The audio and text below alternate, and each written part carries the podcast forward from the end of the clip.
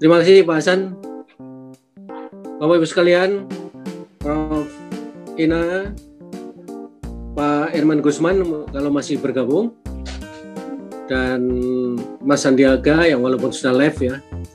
Tentu ini adalah satu acara webinar yang bagi saya luar biasa karena bisa didengarkan oleh semua peserta, tokoh-tokoh penting menyajikan berbagai presentasinya yang sangat luar biasa dan insya Allah bisa memberikan uh, wawasan yang luas terutama kepada teman-teman dari UMKM dan juga bagi para milenial generasi muda yang ingin nantinya membangun satu uh, usaha bisnis.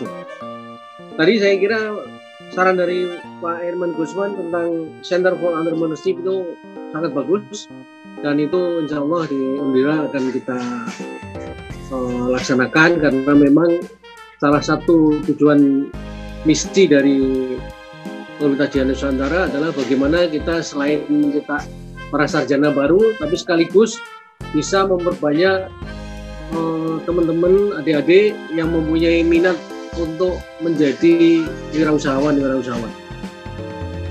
Saya memang juga mempersiapkan presentasi walaupun sebenarnya presentasi ini melengkapi Provina saja secara singkat saja nanti saya akan terus sampaikan uh, banyak hal yang sudah disampaikan oleh Mas Andi maupun Provina yang tentu tidak akan saya ulang di dalam presentasi saya ini.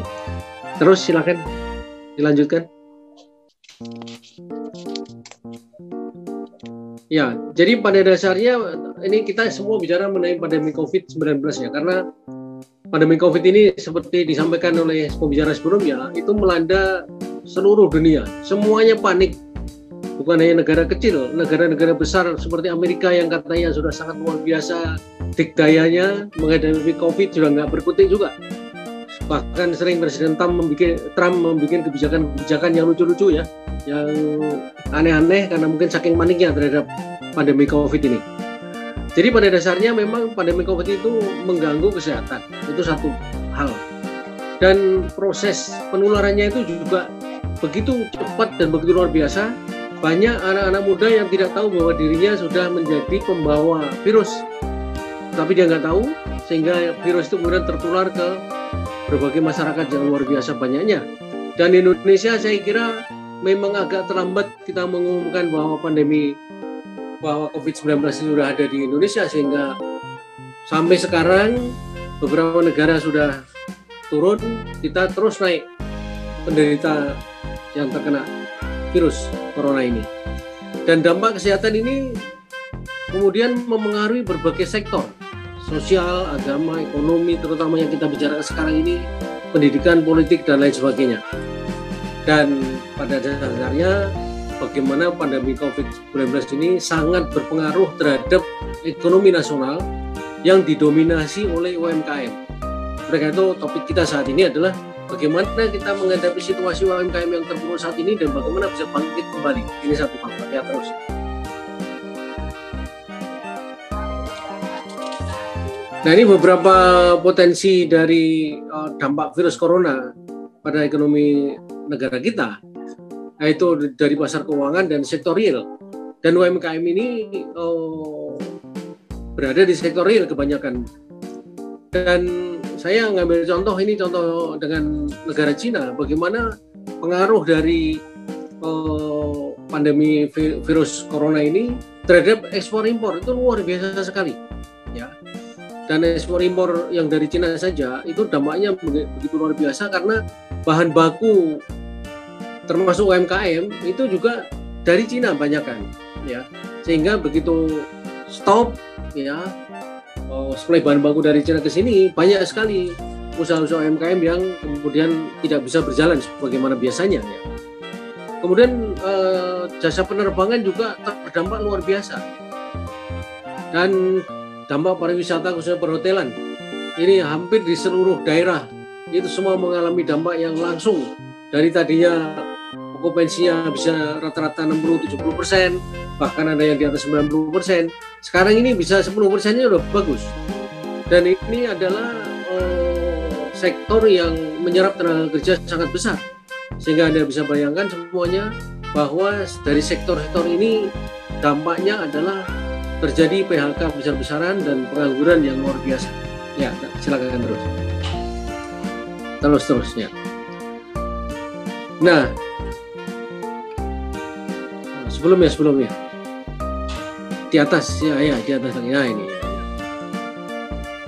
ini uh, pandemi COVID-19 ini akan menyebabkan economic wide shock ada shock terjadi di mana-mana karena terjadi uh, perubahan agregat demand dan agregat supply secara bersamaan dan pada akhirnya kondisi hampir di semua negara itu akan terjadi stagflation stagflasi itu stagflasi itu sesuatu yang terjadi yang jarang sekali.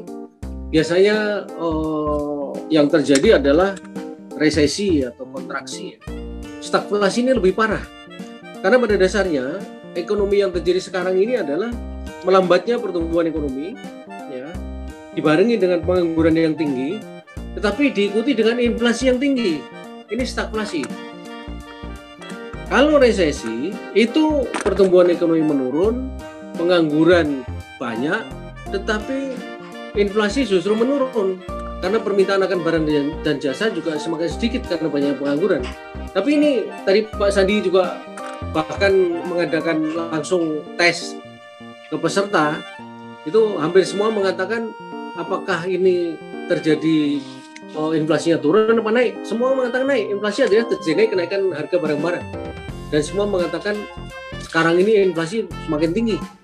Ya, ini yang yang berbahaya. Pada situasi pertumbuhan ekonomi menurun, kemudian pengangguran banyak, harga-harga malah naik. Ini sangat memberatkan masyarakat pada umumnya. Ini yang terjadi. Ya, silakan terus. Naik naik ya. Nah, tadi sudah disinggung, saya tidak ingin mengulangi bahwa uh, pertumbuhan ekonomi hampir di semua negara untuk tahun 2020 ini akan terjadi minus hampir semua negara. Indonesia masih ada oh, IMF itu masih memperkirakan bisa masih positif antara positif dan negatif. Tapi hampir semua lembaga-lembaga keuangan itu oh, menyatakan bahwa hampir seluruh negara tahun 2020 ini mengalami pertumbuhan ekonomi yang negatif. Baik, terus silakan. ya, terus. Nah, ini stimulus Indonesia di bawahnya bawahnya. Terus terus di bawah naik lagi naik lagi. Eh, di di bawahnya di bawahnya. Belum jadi kelewatan kelewatan. Satu lagi. Satu lagi. Terlewat satu lagi.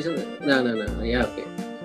Nah, stimulus Indonesia dibanding negara lain di dalam menangani COVID-19 ini relatif rendah ya.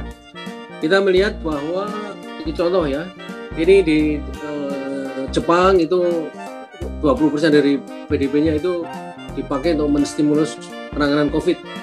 Kita hanya 2,6 persen, kecil sekali. Itu uh, hanya di atas Perancis, Turki, sama China. China karena memang uh, PDB-nya besar sekali, sehingga 1,2 persennya juga sudah sangat besar. nah kita ini karena PDB kita juga tidak terlalu tinggi, maka 2,6 persen itu adalah anu, cukup kecil. Tapi memang kita paham bahwa pemerintah kita juga berat.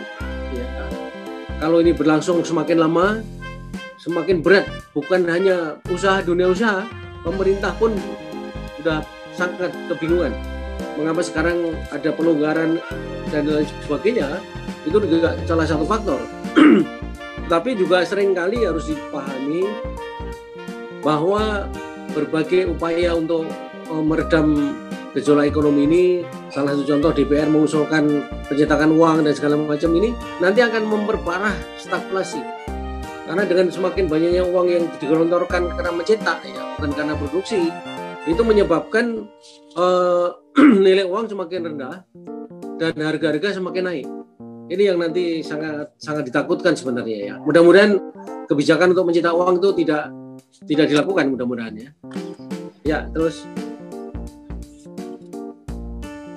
program bantuan pemerintah ke UMKM tadi sudah dijelaskan oleh Prof. Ruli itu sudah ada eh, rencana-rencana uh, yang akan dilaksanakan ya.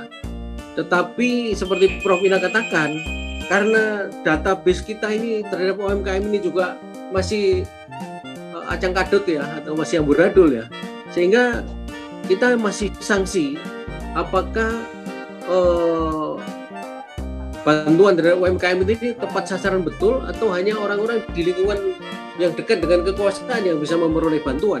Ini juga satu faktor yang saya kira perlu kita uh, cermati ya. Memang ada KUR, ada UMI, ada Mekar, ada Pegadaian dan segala macam yang Prof. Ina dulu salah, salah satu komis, adalah komisaris utama Pegadaian, dia tahu persis ya. Dan beliau memang dari dulu menekuni UMKM. Jadi memang apa yang dirisaukan Prof. Ina terhadap uh, database kita, khususnya tentang UMKM yang jumlahnya 60 juta ini, uh, sangat rawan untuk terjadinya sesuatu yang tidak tepat sasaran nantinya. Ini yang sangat mengkhawatirkan. Jadi maunya pemerintah membantu, tapi yang dibantu bukan yang seharusnya dibantu. Ya menjadi repot memang ya. Tapi inilah kondisi kita sekarang yang apa pun yang kita harus bisa mencermati dan dan mengikuti. Mudah-mudahan Prof. Ruli karena sebagai Sekjen Departemen Koperasi dan UMKM, mudah-mudahan nanti data yang dipunyai cukup valid ya sehingga apa yang dilakukan betul-betul membawa dampak yang positif terhadap UMKM ke depan. Karena ini masalahnya menjadi sangat berat. Ya, terus silakan. Lanjut. Lanjut.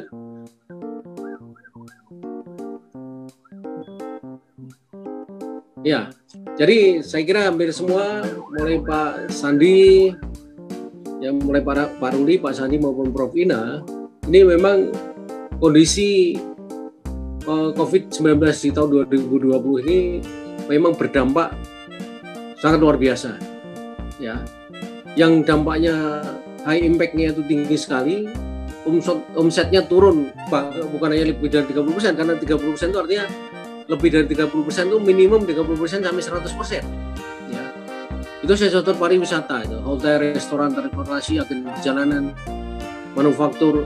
Tekstil saja berapa juta udah memphk-kan karyawannya kan karena tidak laku.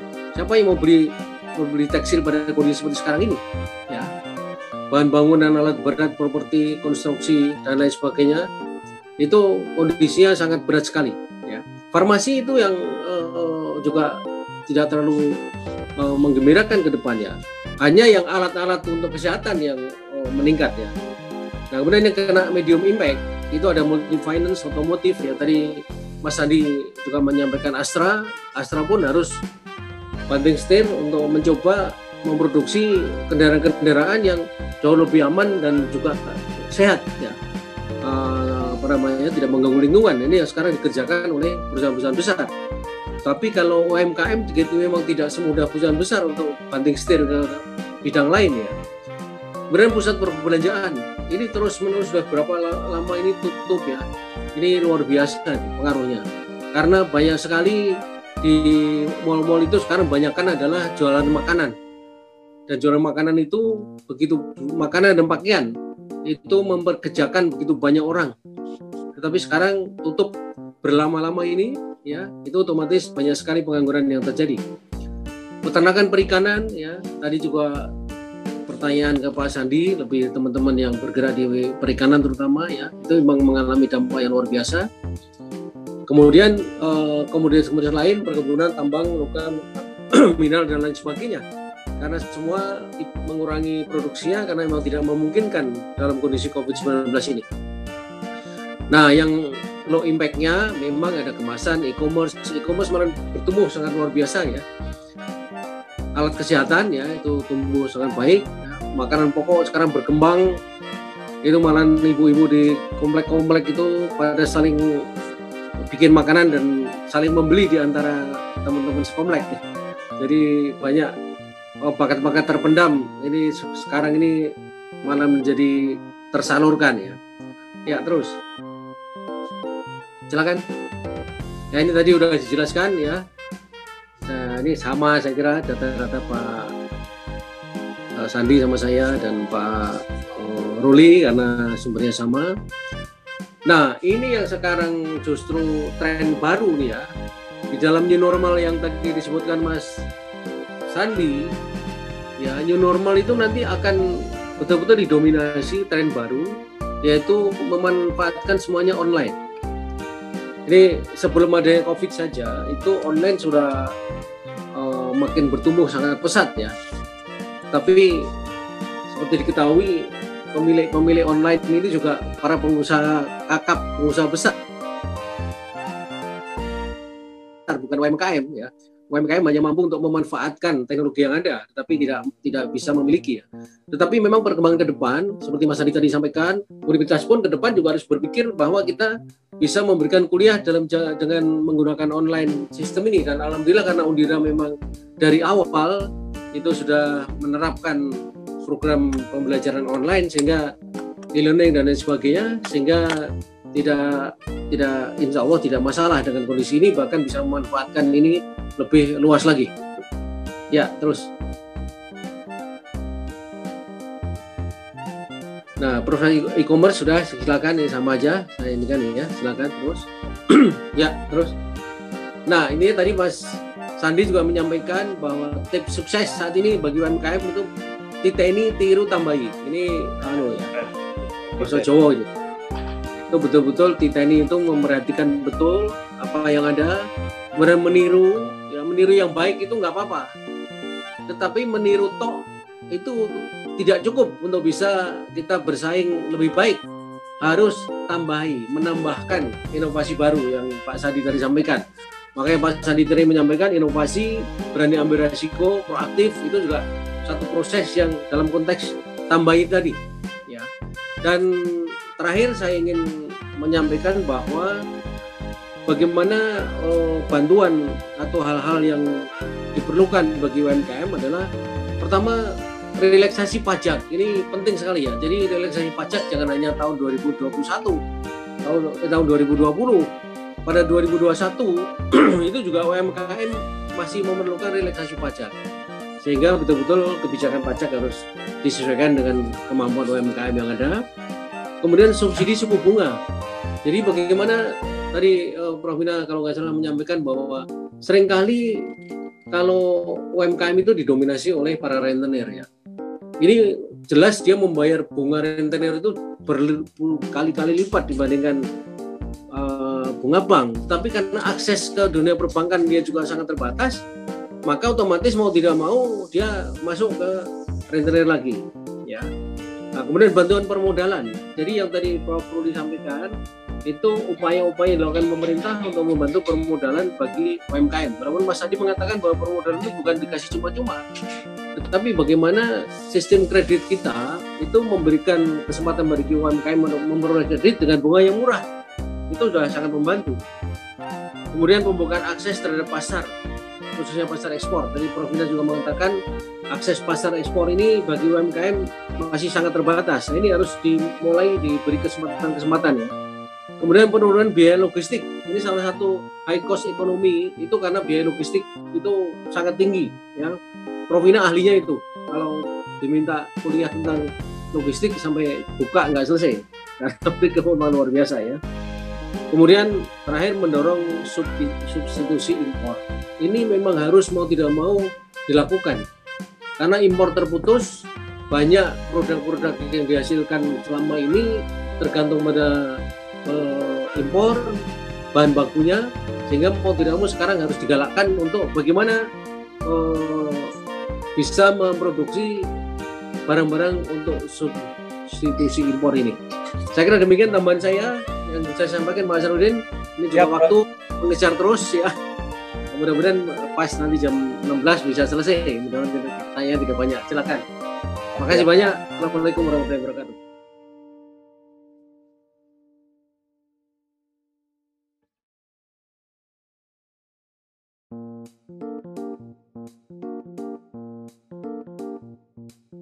Langsung saja akan uh, mengundang dan memberikan kesempatan kepada uh, uh, narasumber yang kedua yang luar biasa sekali yaitu Profesor Dr. Ina Primiana, SEMT. Beliau adalah guru besar dari FEB Unpad.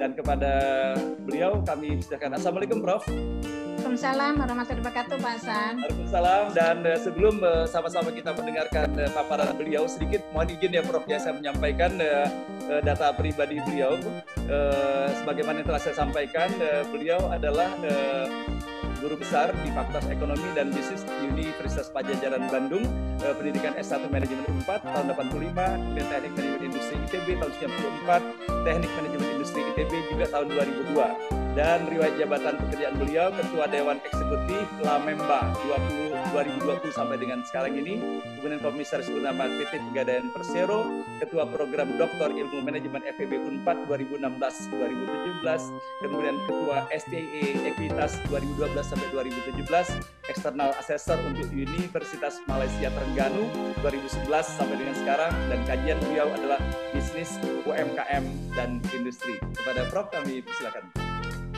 Baik. Ini saya eh, materinya saya disiapin dari sana atau gimana? Dari sini, Prof. Dari sini, Prof. Sudah, oke. Okay. Ya, ya. Baik. Pertama-tama saya ucapkan terima kasih pada Prof. Suharyadi yang sudah uh, mengajak saya untuk sharing di sini dan juga untuk uh, Bapak Usman Gusman, Iman Gusman, kemudian juga kepada uh, Pak Hasan dan teman-teman semua. Assalamualaikum warahmatullahi wabarakatuh. Waalaikumsalam. Ya, saya akan sharing di sini. Terutama eh, juga saya uh, ucapkan selamat datang kepada eh, 361 partisipan ya. Saya akan sampaikan di sini bagaimana uh, apakah UKM kita ini siap atau tidak gitu. Silakan, next. Jadi uh, sebelumnya tadi juga ini sudah disampaikan bahwa kondisi kita itu berat sekali jadi eh, tadi bahkan eh, bahwa pertumbuhan PDB itu akan minus 0,4. Nah berarti harus bagaimana ini UKM? UMKM itu harus bagaimana dengan kondisi yang seperti itu? Kemudian juga ini dolar nanti akan meningkat, inflasi. Kemudian juga ini konsumsi rumah tangga karena daya beli semakin menurun karena adanya PHK, maka itu juga makin menurun. Nah ini pasti akan mempengaruhi kepada dunia usaha. Nah di diprediksi eh, apa konsumsi pemerintah juga menurun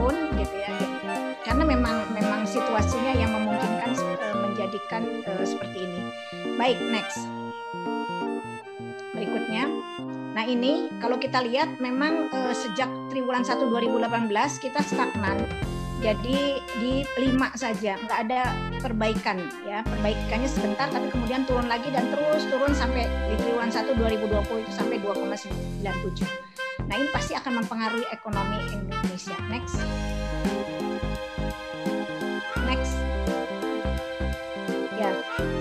Kondisi UMKM. Tadi sudah disampaikan bahwa krisis global tahun 98 UMKM masih bisa bertahan, tapi yang sekarang beda. Ternyata eh, UMKM memiliki dampak yang signifikan. Uh, antara lain disebabkan karenanya ada PSBB yang tidak diperbolehkan berjualan. Nah ini tentunya akan mempengaruhi terhadap permintaan karena penurunan daya beli akibat PHK. Akibatnya UMKM juga tidak mampu membayar gaji perlu diingat adalah 90% tenaga kerja kita disumbang oleh 61 juta UMKM yang ada di Indonesia. Artinya kalau kita beresin UMKM ini maka sejahteralah bangsa ini sebetulnya karena semua bisa bergerak. Nah, harus bagaimana? Nah, ini saya berikan di slide-slide berikutnya. Next.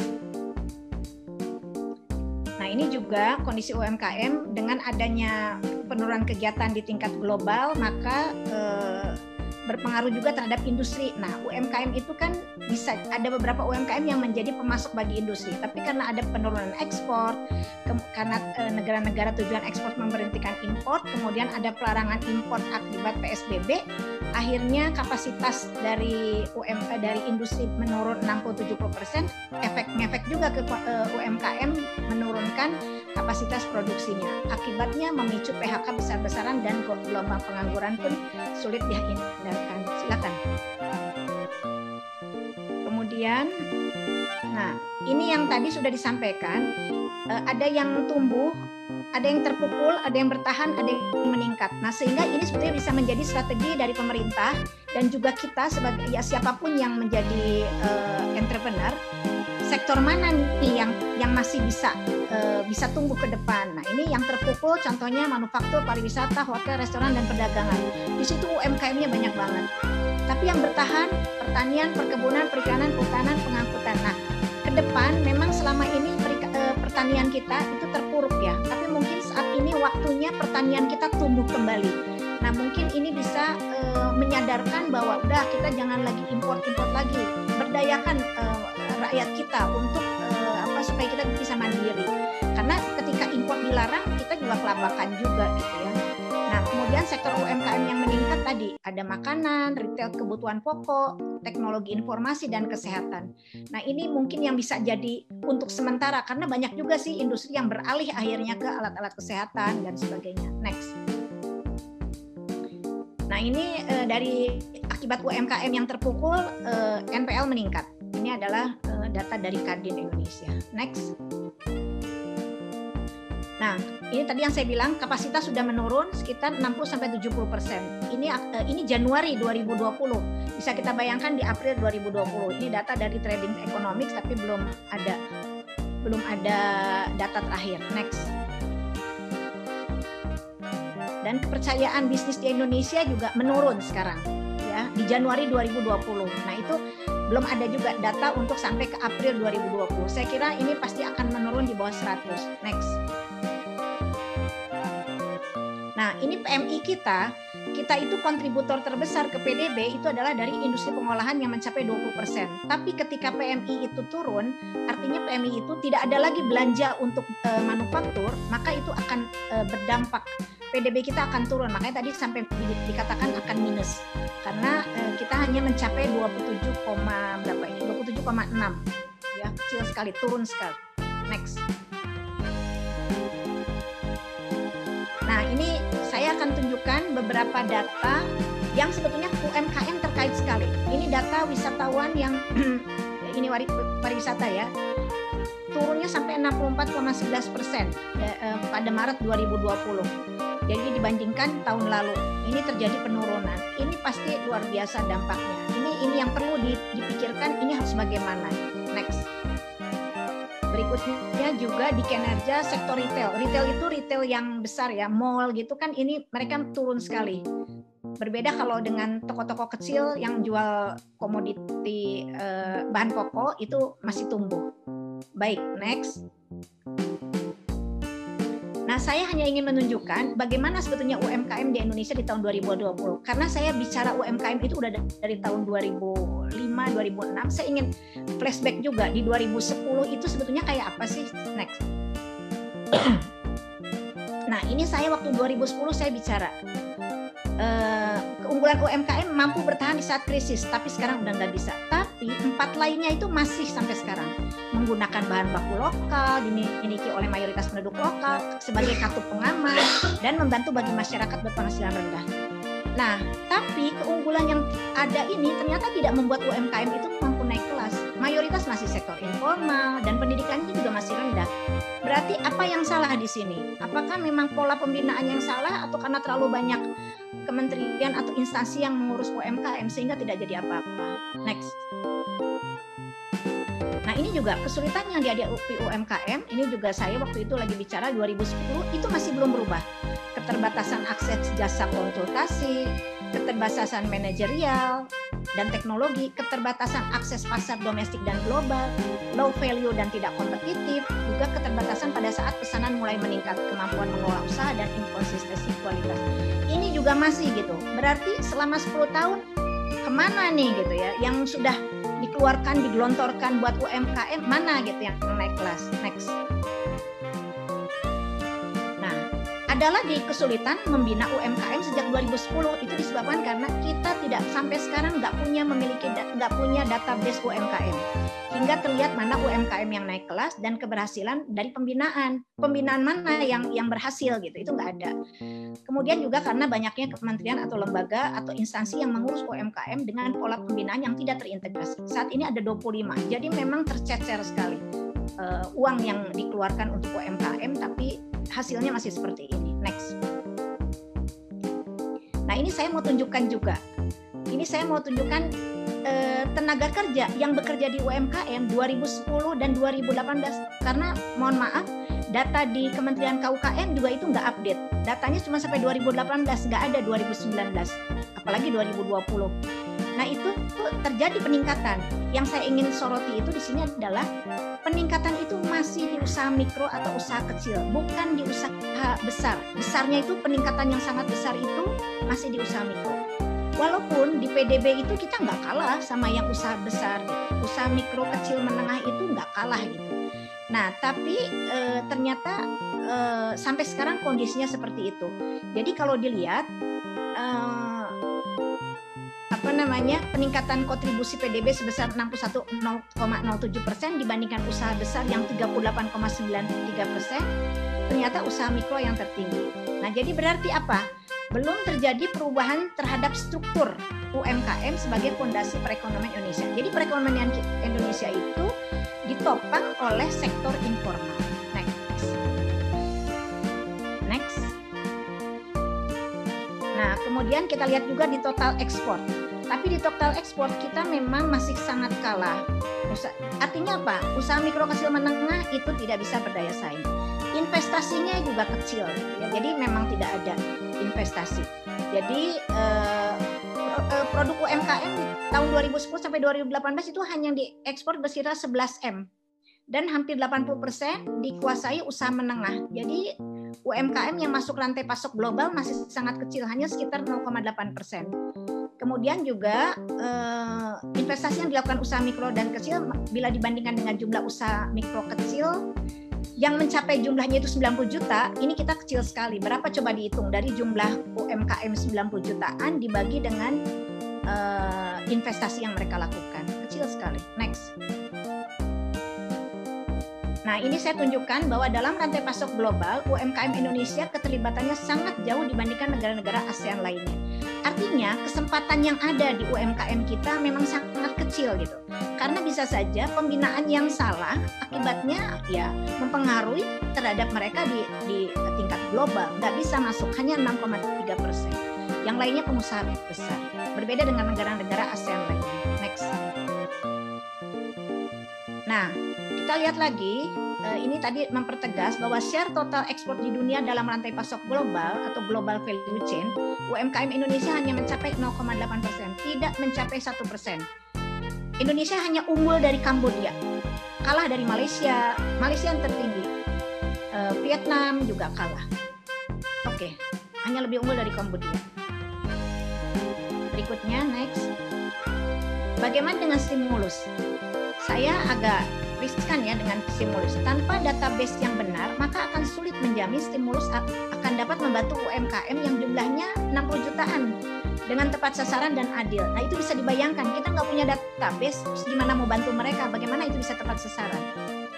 Nah itu jadi pertanyaan. Walaupun ada lima skema tadi, tapi itu ya bagaimana caranya, mekanismenya seperti apa. Sementara bank kalau sekarang eh, ditanya, belum ada me uh, mekanismenya. Jadi masih tagih juga tuh uh, oleh debt collector. Next.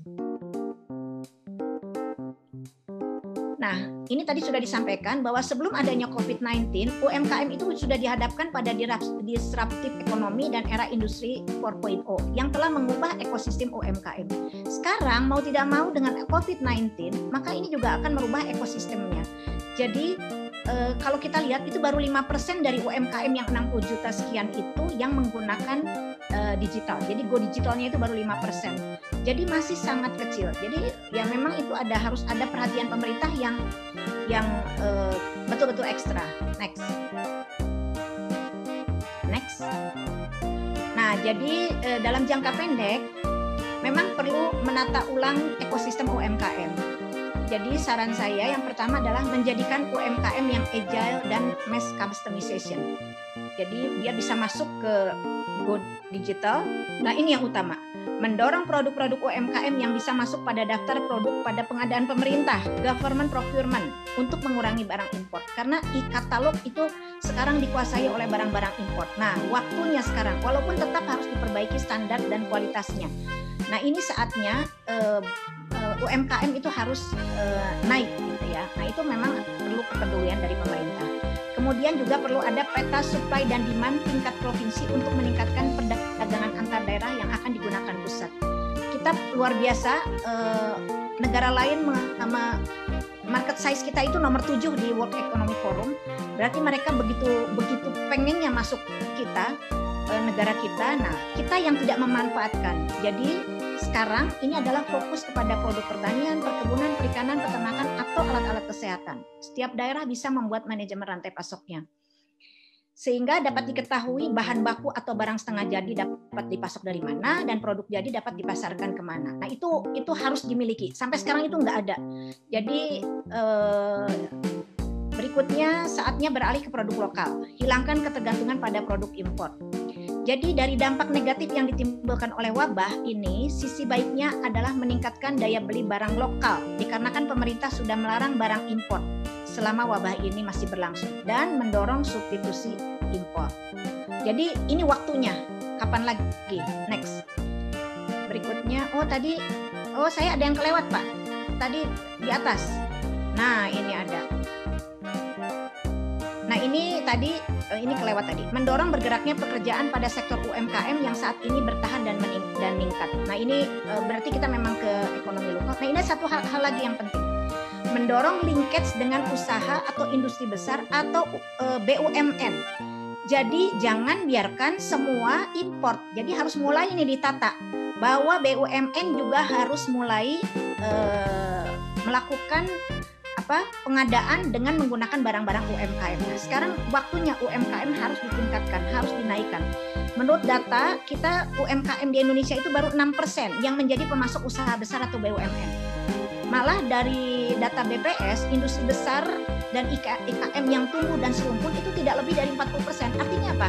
Industri besar yang tumbuh apa, industri kecil mikro yang tumbuh apa. Jadi nggak nyambung gitu, japa sembung. Nah, artinya memang karena mereka sendiri-sendiri nggak pernah nyambung. Next terakhir, berikutnya adalah jadi strategi bangkit kembali UMKM pasca pandemi COVID-19 itu agar UMKM naik kelas yang pertama adalah perbaiki database agar memudahkan dalam strategi peningkatan daya saing UMKM ke depan. Yang kedua, perlu mempertegas pembagian tugas atau peran kementerian lembaga dalam pengembangan UMKM. Tidak semua melakukan aktivitas yang sama.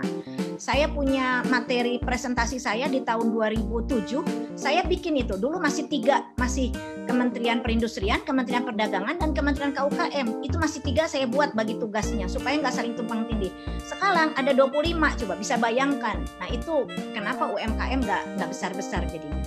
Kemudian scaling up untuk memperkuat produk UMKM, baik kualitas dan standar, untuk difasilitasi masuk dalam e-katalog pada government procurement. Yang kedua, berikutnya mendorong linkage dengan usaha atau industri besar atau dan BUMN, menjadikan UMKM yang agile dan mass customization, Kemudian merubah sistem pembiayaan dengan menggunakan jaminan kredit dari lembaga penjamin kredit. Artinya kita rubah seperti di Jepang atau Taiwan bahwa UMKM yang membutuhkan dana itu datang aja ke Jamkrindo, Jamkrida, nanti biarkan mereka mengeluarkan sertifikat. Jadi kalau sertifikat dari sertifikat e, dari sana keluar, jaminan kreditnya udah keluar, bank tinggal mengelontor, mengelontorkan uang saja gitu. Nah itu sebetulnya e, mungkin bisa dipakai sebagai salah satu e, opsi.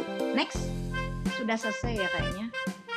Baik, itu saja yang bisa saya sampaikan. Terima kasih. Assalamualaikum warahmatullahi wabarakatuh.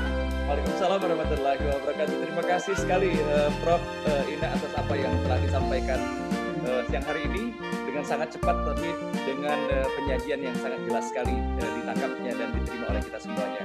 Nah, Prof uh, yang saya baca dari chatting yang ada di forum kita ini uh, yang banyak yang mendominasi adalah apresiasi yang disampaikan kepada Prof Ina dan juga kepada uh, Pak Sandiaga Uno uh, atas ini ini cemerlang yang disampaikan pada siang hari ini. Namun walaupun saya uh, memperhatikan presentasi tadi itu uh, sebetulnya di dalam apa yang Prof sampaikan sudah mengcover semuanya, namun alangkah baiknya kalau sana kita mendengarkan juga uh, pertanyaan yang disampaikan oleh Pak Arifin. Di sini saya bertanya untuk Prof Ina, langkah-langkah atau kebijakan pemerintah terkait UMKM untuk membantu sektor UMKM yang terpukul bangkit kembali di tengah kondisi saat ini.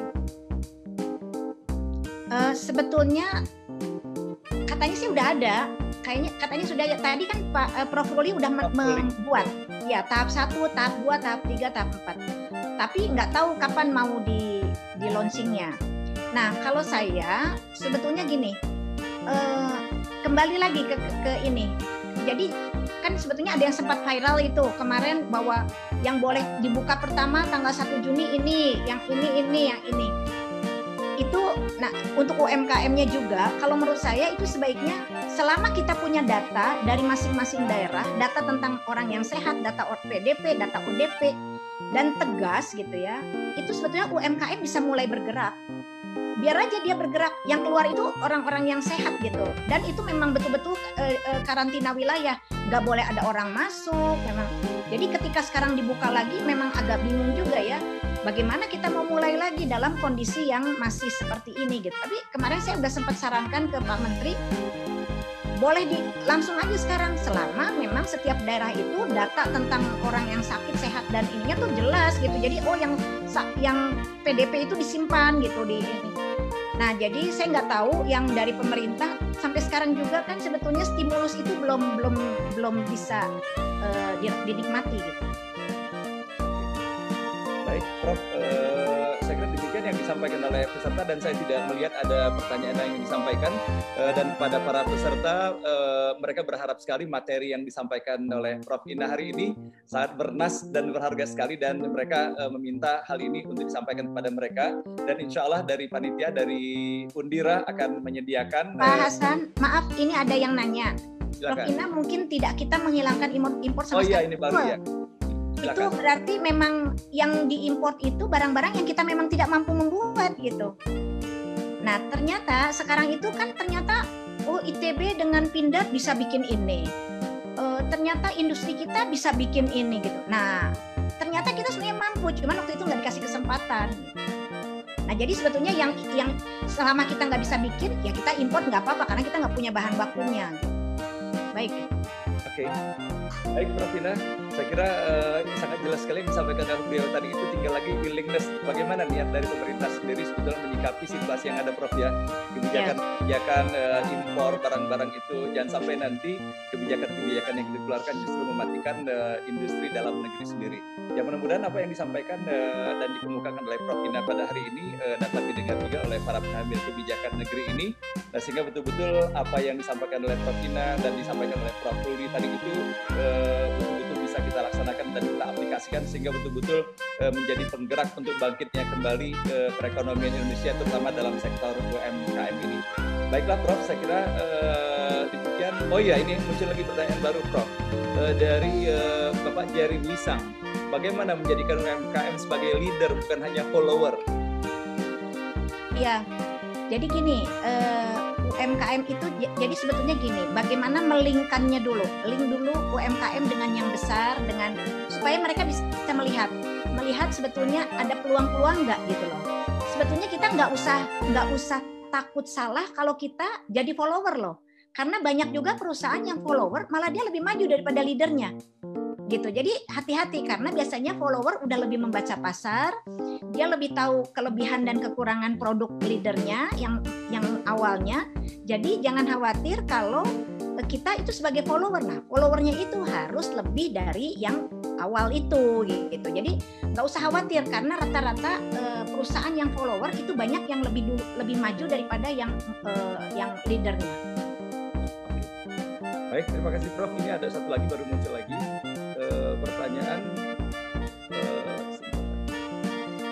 dari Pak Victor Prastia. Ada UMKM yang dalam proses produksinya tergantung sekali dengan pasokan impor, misalnya UMKM batik yang sangat khas di Indonesia. Bagaimana menyikapinya? Iya, tadi kembali lagi. Sekarang willingness pemerintah terhadap produk-produk kita mau seperti apa? Ada nggak yang kita bisa sediakan dari dalam negeri gitu, dari domestik? Jadi sekarang kembali lagi kepada pemerintah. Selama pemerintah bisa mau, ya 10 tahun yang lalu mungkin kita sekarang udah jauh lebih maju gitu loh. Nah itu kembali lagi kepada willingness pemerintah. Jadi kalau di dalam rantai pasoknya, oh ini bisa oleh oleh UMKM kita, oh ini bisa, oh ini bisa, oh ini, oh tinggal sedikit berarti yang ini, itu harganya juga jadi kompetitif, harganya jadi berdaya saing, berarti kita bisa lebih bisa masuk ke pasar ekspor tadi.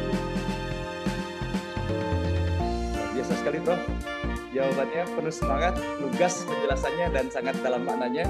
Uh, saya kira uh, Bapak Ibu sekalian para peserta webinar kita pada siang hari ini uh, dari apa yang disampaikan dalam chatting yang saya baca pada sore hari ini hanya tinggal menyampaikan uh, penghargaan yang luar biasa kepada Prof. Ina dan juga narasumber sebelumnya atas apa yang telah disajikan pada siang hari ini. Mudah-mudahan pertemuan hari ini adalah pertemuan yang memberikan manfaat dan berkah bagi kita semuanya. Uh, kemudian setiap kita bisa berperan dalam membangun UMKM kita yang berada dalam seputar kita sehingga betul-betul menjadi kekuatan yang bisa diandalkan dalam perekonomian bangsa Indonesia ini. Pada Prof. Ina kami ucapkan terima kasih Prof atas kesediaannya tampil dan juga menjawab beberapa pertanyaan yang telah disampaikan oleh para peserta webinar hari ini. Dan sekali lagi mohon izin materi yang telah Prof sampaikan kepada kami untuk bisa kami bagikan juga. Oh iya boleh silakan silakan. Hari ini.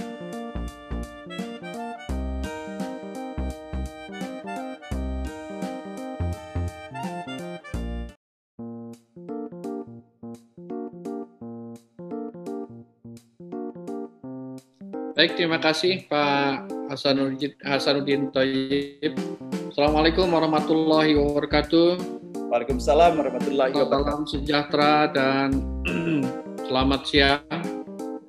Om Swastiastu, Namo Buddhaya, salam kebajikan. Uh, pertama, saya menyambut gembira atas kegiatan ini dan tadi disampaikan oleh Pak Hasanuddin, kita memasuki sebuah uh, new normal. Jadi normal baru banyak sekali hal-hal yang berubah belakangan ini termasuk di dalamnya kegiatan kegiatan seminar, kemudian juga kegiatan akademik. Bagi saya secara pribadi ini ada hikmah tersendiri begitu. Karena saya di dalam waktu satu jam ini saya satu jam setengah ini saya harus mengerjakan tiga pekerjaan sekaligus. Webinar di Universitas Dian Nusantara, di HIPI, tapi juga sekaligus menguji S3 di Bandung gitu. Ini saya kira hikmah dari semua uh, keadaan yang kita hadapi hari ini. Saya kira Bu Ina juga mestinya nguji di Bandung juga ya Bu Ina ya hari ini ya, di S3 sama-sama. Jadi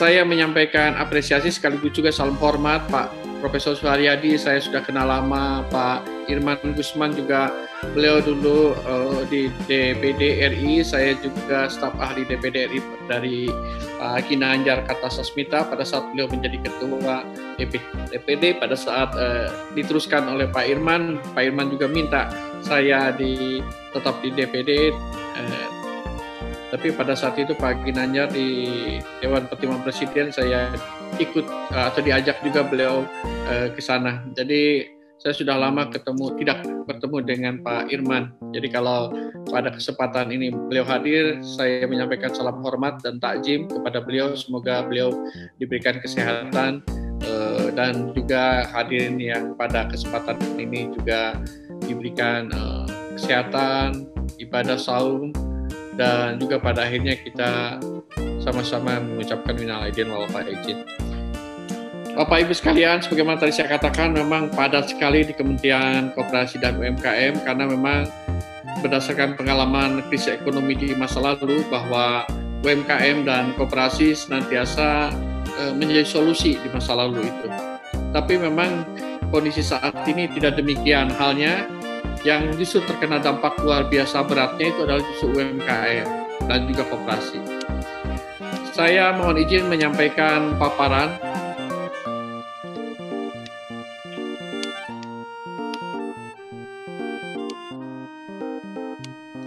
Jadi ini tema yang dimintakan oleh panitia pada saya tentang potret, potret perekonomian UMKM Indonesia pasca COVID-19 dan strategi bangkit kembali.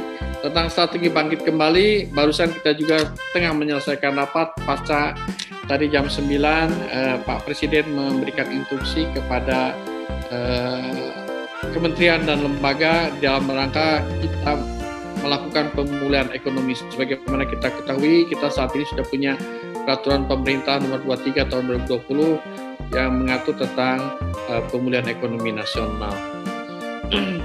Kalau kita coba melihat tentang fenomena COVID-19 ini secara global, kurang lebih seperti ini, bahwa saat ini dunia bukan hanya Indonesia mengalami masalah yang amat sangat serius dan memprihatinkan, jumlah orang yang dinyatakan positif COVID-19 4,3 juta. Kemudian juga angka-angka ini bisa menunjukkan kepada kita betapa memang saat ini dunia mengalami masalah yang amat serius. Hingga PDB pun berpotensi hilang ya secara global di tahun 2020-2021 itu sebesar 9 triliun dolar. Artinya ini lebih besar dibandingkan dengan PDB Jepang dan Jerman bila itu digabung. Jadi angka ini luar biasa signifikan. Demikian juga perekonomian dunia diperkirakan mengalami kontraksi pada tahun ini. Ya, sekitar minus 3 persen. Barusan pada saat rapat internal, Bu Sri Mulyani eh, mendeteksi tampaknya ada koreksi begitu dan kondisinya tidak menjadi lebih baik. Ini kondisi yang kita hadapi dan secara global kita menghadapi masalah di pertumbuhan ekonomi yang cenderung menurun tapi berdasarkan uh, prediksi di tahun 2021 ini kita akan mengalami pemulihan secara masif di berbagai negara. Tetapi tentu saja banyak asumsi-asumsi yang harus kita uh, apa namanya uh, kita pahami bersama. Nah, jadi kondisi ekonomi mengalami pertumbuhan yang negatif di tahun ini bukan hanya di negara kita dan hampir di seluruh negara, baik itu negara ASEAN, negara maju sekalipun, malah negara maju mengalami kontraksi yang jauh lebih dalam ketimbang negara-negara uh, lain, misalnya negara berkembang ataupun negara secara total di dunia. Kalau kita mencoba melihat bagaimana kondisi COVID-19 ini berkembang di Indonesia, menunjukkan gejala yang begitu eksplosif dan begitu uh, membuat kita yang menderita dalam beberapa waktu belakangan ini. Dan Jakarta dan juga Jawa Barat menjadi daerah yang memiliki uh, imbasan yang lebih besar ketimbang daerah-daerah yang lain. Jadi ini sangat wajar apabila Jakarta maupun juga Jawa Barat melakukan pembatasan PSBB secara besar-besaran. Dan sebagaimana kita ketahui kontribusi PDRB Jakarta dan Jawa Barat ini terhadap perekonomian nasional itu besar sekali yaitu hampir 30 persen, 92. Jadi artinya bahwa ini akan tentu berimbas kepada perekonomian nasional secara keseluruhan. Bila kita coba amati, ini semacam prolog saja sebelum kita masuk ke UMKM, bahwa perekonomian domestik sisi eksternal juga mengalami uh, pertumbuhan yang tidak menggembirakan jauh dari menggembirakan. Saya tidak akan sampaikan satu persatu, tapi dampaknya kurang lebih bahwa adanya pasokan untuk produksi dalam negeri mengalami penurunan Kemudian juga penurunan terjadi pada permintaan atas produk Indonesia jelas karena memang negara-negara tujuan dari ekspor kita juga mengalami masalah juga. Penurunan nilai perdagangan komoditas akibat penurunan harga juga tengah kita rasakan saat ini. Tekanan terhadap pasar keuangan domestik juga sudah kita rasakan terutama di daerah-daerah yang memang tadi mengalami masalah serius seperti Jawa Barat dan eh, juga Jakarta. Kemudian dari sisi internal, kalau tadi perekonomian domestik dari sisi eksternal, ekspor impor, dari sisi internal kita mengalami masalah-masalah yang juga mungkin hari ini kita uh, hadapi bersama. Ada proses krisis kesehatan, kita harus mengikuti protokol kesehatan dalam kehidupan sehari-hari, termasuk social distancing, kemudian juga adanya uh, perilaku-perilaku baru yang terpaksa kita lakukan untuk kita tetap bekerja di rumah kecuali hari ini saya uh, tetap di kantor, staf-staf tidak ada, jadi dalam banyak hal melakukan pekerjaan saat ini relatif uh, dukungan uh, staf itu juga dikerjakan dari rumah. Dampak sosialnya juga sangat terasa sekali. Dengan PSBB ini suka tidak suka mengalami masalah uh, akibat mobilitas manusia terbatas berimbas kepada kegiatan ekonomi. Kemudian dari sisi ekonomi juga mengalami penurunan tajam karena konsumsi terganggu, investasi jelas terhambat, ekspor impor juga tadi terkontraksi, pertumbuhan ekonomi juga melambat. Ini ini masalah yang kita hadapi hari ini. Dari sisi keuangan juga saya kira mengalami hal yang serupa. Dalam kasus operasi saya sudah antisipasi sejak bulan Februari terutama untuk koperasi saya katakan hati-hati ini banyak sekali akan terjadi uh, masalah terutama secara rutin pada saat menjelang uh, Lebaran memang selalu ada pengambilan dalam jumlah besar simpanan anggota. Plus ada persoalan-persoalan lain pada kooperasi gagal bayar yang memberikan dampak psikologis. Tapi hal yang lain adalah banyak sekali anggota kooperasi yang memang usahanya tidak berjalan terpaksa mengambil simpanan. Jadi saya kira eh, kekhawatiran saya mudah-mudahan tidak terjadi seluruhnya. Banyak kooperasi atau lembaga keuangan juga dengan NPL tinggi, tetapi juga dengan kemungkinan gagal bayar yang eh, tinggi pula. Saya kira tentu imbas yang paling eh, kita khawatirkan adalah meningkatnya angka kemiskinan. Ini adalah angka proyeksi dari dari dari Kementerian Keuangan. Kemiskinan mengalami peningkatan. Demikian juga pengangguran, baik pada skenario berat maupun sangat berat. Ini tentu saja hal yang membuat uh, apa yang kita lakukan dalam waktu terakhir ini akan mengalami kemunduran yang luar biasa. Pertumbuhan diduga 2,3, tapi barusan dikoreksi oleh Bu Sri Mulyani kemungkinan kita akan mengalami negatif gitu dengan beberapa uh, indikasi yang memang kita pahami ini yang terjadi di kita saat ini.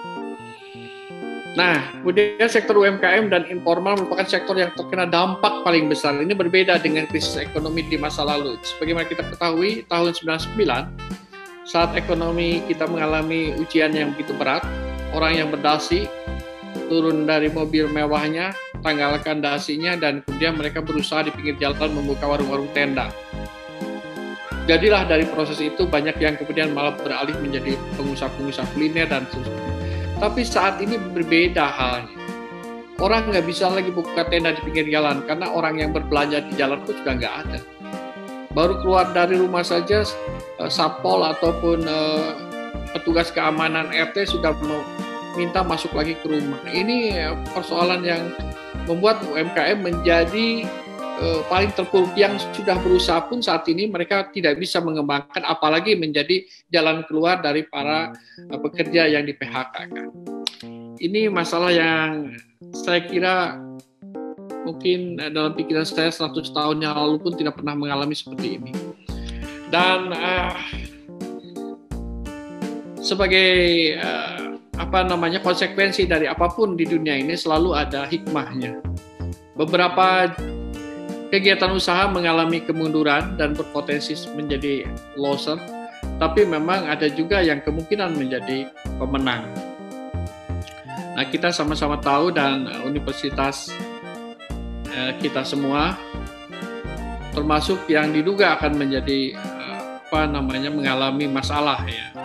Karena kemungkinan daya beli mahasiswa untuk membayar SPP, kemudian juga persoalan persoalan teknis perkuliahan yang tidak bisa berjalan ini akan terganggu sangat kuat sekali.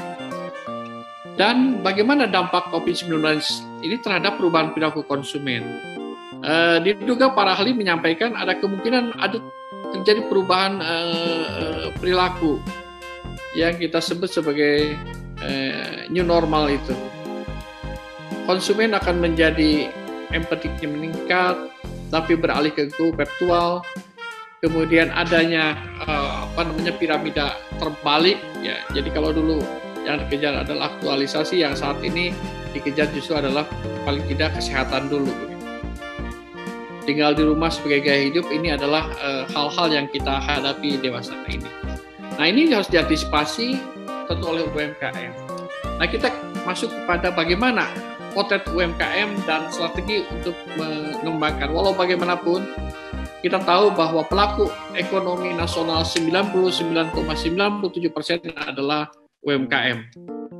Kontribusi kepada PDB juga di atas 60 persen. Angka yang signifikan terutama di dalam kemampuan menyerap lapangan pekerjaan yang mampu menyerap 97 persen. Kondisi saat ini mungkin jumlah ini akan terus membengkak seiring dengan mulai adanya perumahan-perumahan atau apa namanya PHK-PHK eh, dari pekerja-pekerja di usaha besar. Nah, kita mencoba di awal uh, wabah ini mulai uh, terasa kita melakukan survei ini satu atau dua minggu setelah dinyatakan oleh Pak Presiden kita mengalami eh, masa yang tidak mudah ini.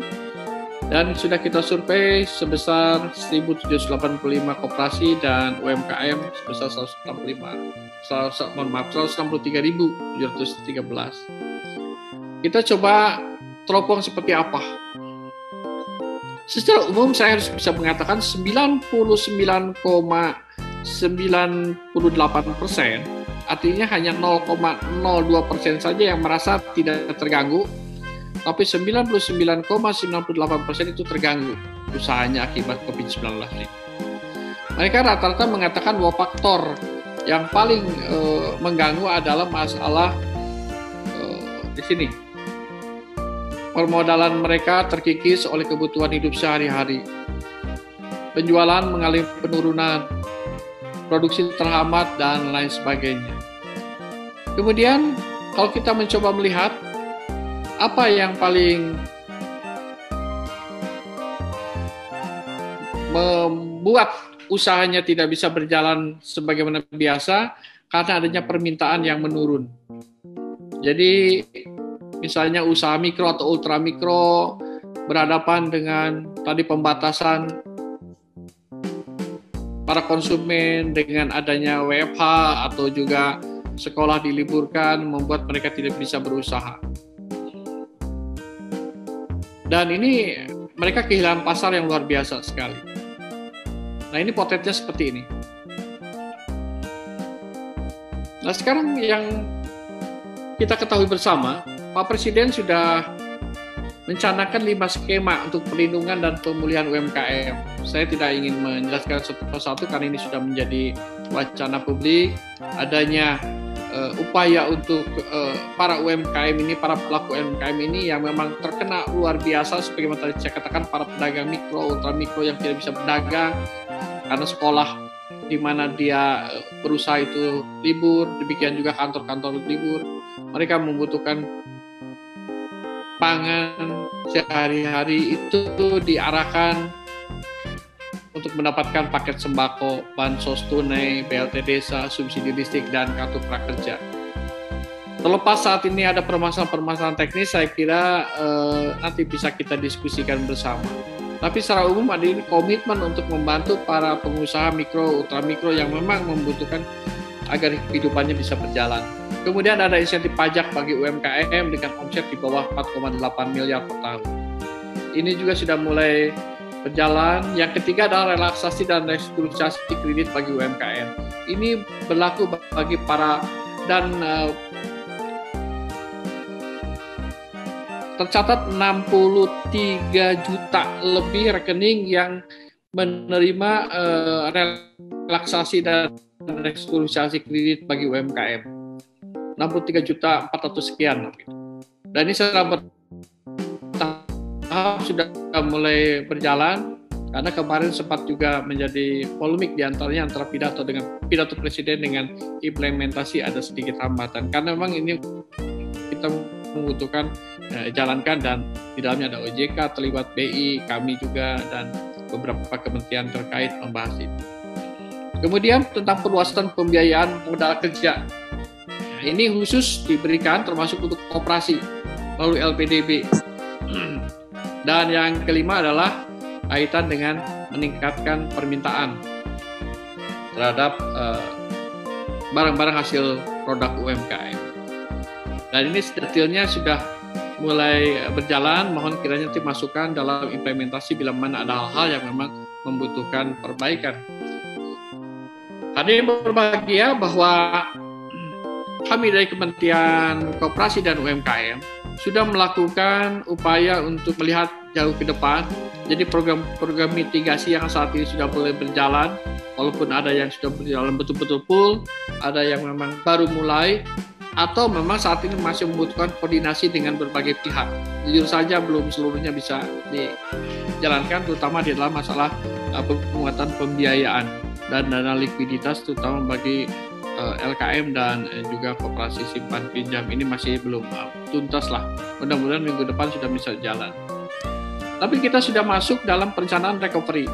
seperti apa nanti saya akan jelaskan karena ini sebetulnya masih debatable, sangat tergantung kepada asumsi-asumsi yang eh, harus kita hormati yang dikeluarkan oleh Kementerian Kesehatan maupun juga oleh Badan Nasional Penanggulangan Bencana. Kita pun sudah membuat desain tentang bagaimana pengembangan pasca recovery ini uh, selesai. Kita menginginkan bahwa ini tidak akan lama dan tahun 2021 betul-betul kita sudah uh, lebih eksplosif pengembangan daripada waktu-waktu yang kemarin kita sebut sebagai masa normal saya menyampaikan bocoran lain nih karena ini masih dalam uh, apa namanya barusan sampai jam 12 pun kita masih merapatkan ini dan tim kecil kita pun mendetilkan tentang beberapa hal terutama skenario tentang SOP yang mengikuti program-program reaktivasi dan pemulihan UMKM. Kita berharap dari mulai minggu sebelumnya tanggal 17 Mei, artinya dari mulai hari Senin kita sudah mulai ada program untuk melakukan ini terutama bagi daerah-daerah sebagaimana kita ketahui misalnya Jawa Barat PSBB berakhir di hari eh, tanggal 20 kalau memang sudah dinyatakan beberapa daerah itu sudah masuk ke kategori hijau maka diintervensi dan UMKM bisa berkembang dan uh, meneruskan usahanya Eh, sebagaimana yang lalu. Ini fase satu ini kita berharap sebelum pra lebaran ini sudah bisa direalisasikan. Tapi lagi-lagi saya katakan tadi membutuhkan koordinasi dan insya Allah besok kita merencanakan bertemu eh, beberapa pihak, Kementerian Kesehatan dan juga Kementerian Teknis lainnya seperti pariwisata dengan Kementerian uh, Pariwisata, Ekonomi Kreatif, kemudian perindustrian tentu saja dengan teman-teman dari Kementerian Perindustrian, kita mencoba mensinergikan apa-apa yang bisa kita lakukan agar ekonomi terus berlanjut. Karena problemnya saat ini angka yang terpapar dengan angka yang terkapar akibat persoalan ekonomi ini berlomba begitu. Skenario skenario lainnya barangkali bisa kita diskusikan sebagai implikasi adanya atau lahirnya PP 23 tahun 2020 tentang pelaksanaan program pemulihan ekonomi nasional. Saya kira nanti bahan bisa disampaikan uh, dari saya saya kira cukup seperti itu untuk kita nanti kembangkan dalam diskusi dengan para pakar, para ahli. Saya tahu persis Prof. Ina, Prof. Suryati adalah orang-orang yang sangat kompeten dalam urusan ini. Belum lagi Pak Sandiaga Uno tentu saja sebagai pelaku dan juga orang yang sangat concern terhadap pengembang UMKM bisa memberikan sharing bagaimana seharusnya kita sebagai bangsa melangkah ke depan. Itu saja barangkali. Assalamualaikum warahmatullahi wabarakatuh.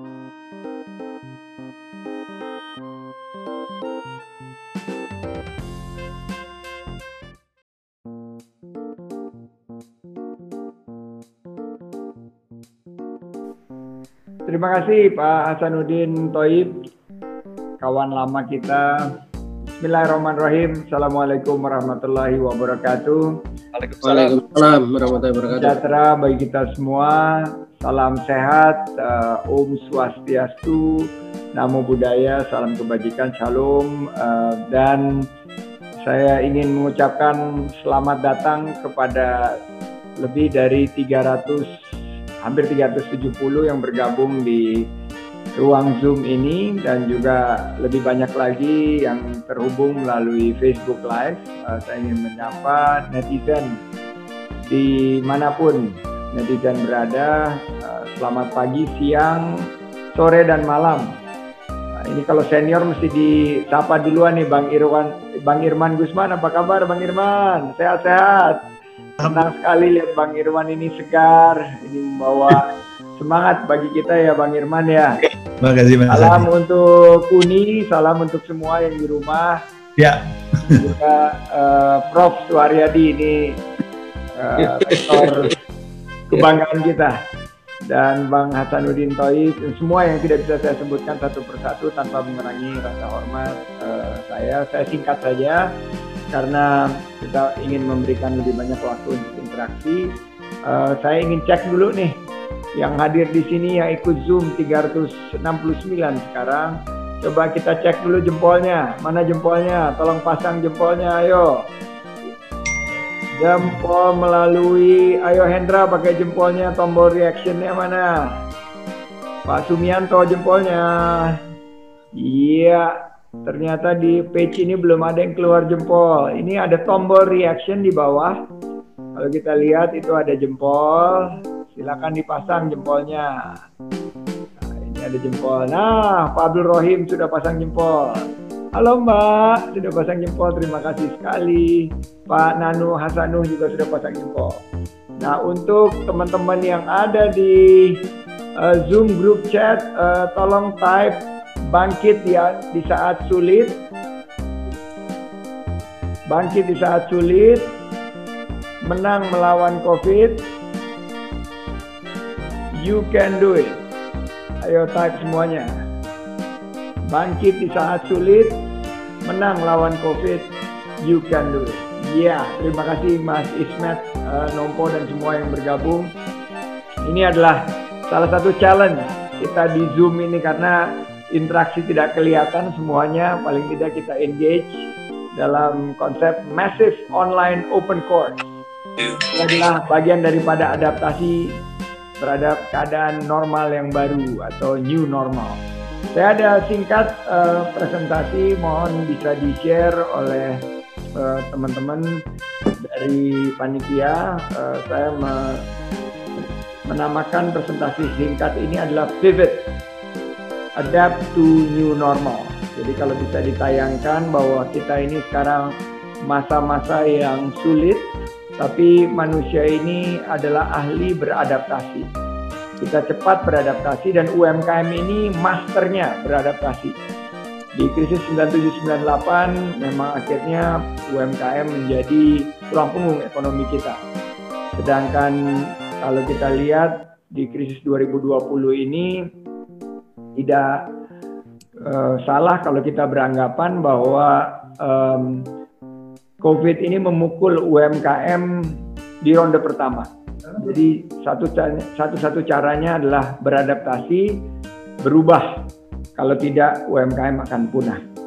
Jadi konsepnya adalah pivot uh, terhadap keadaan realita baru.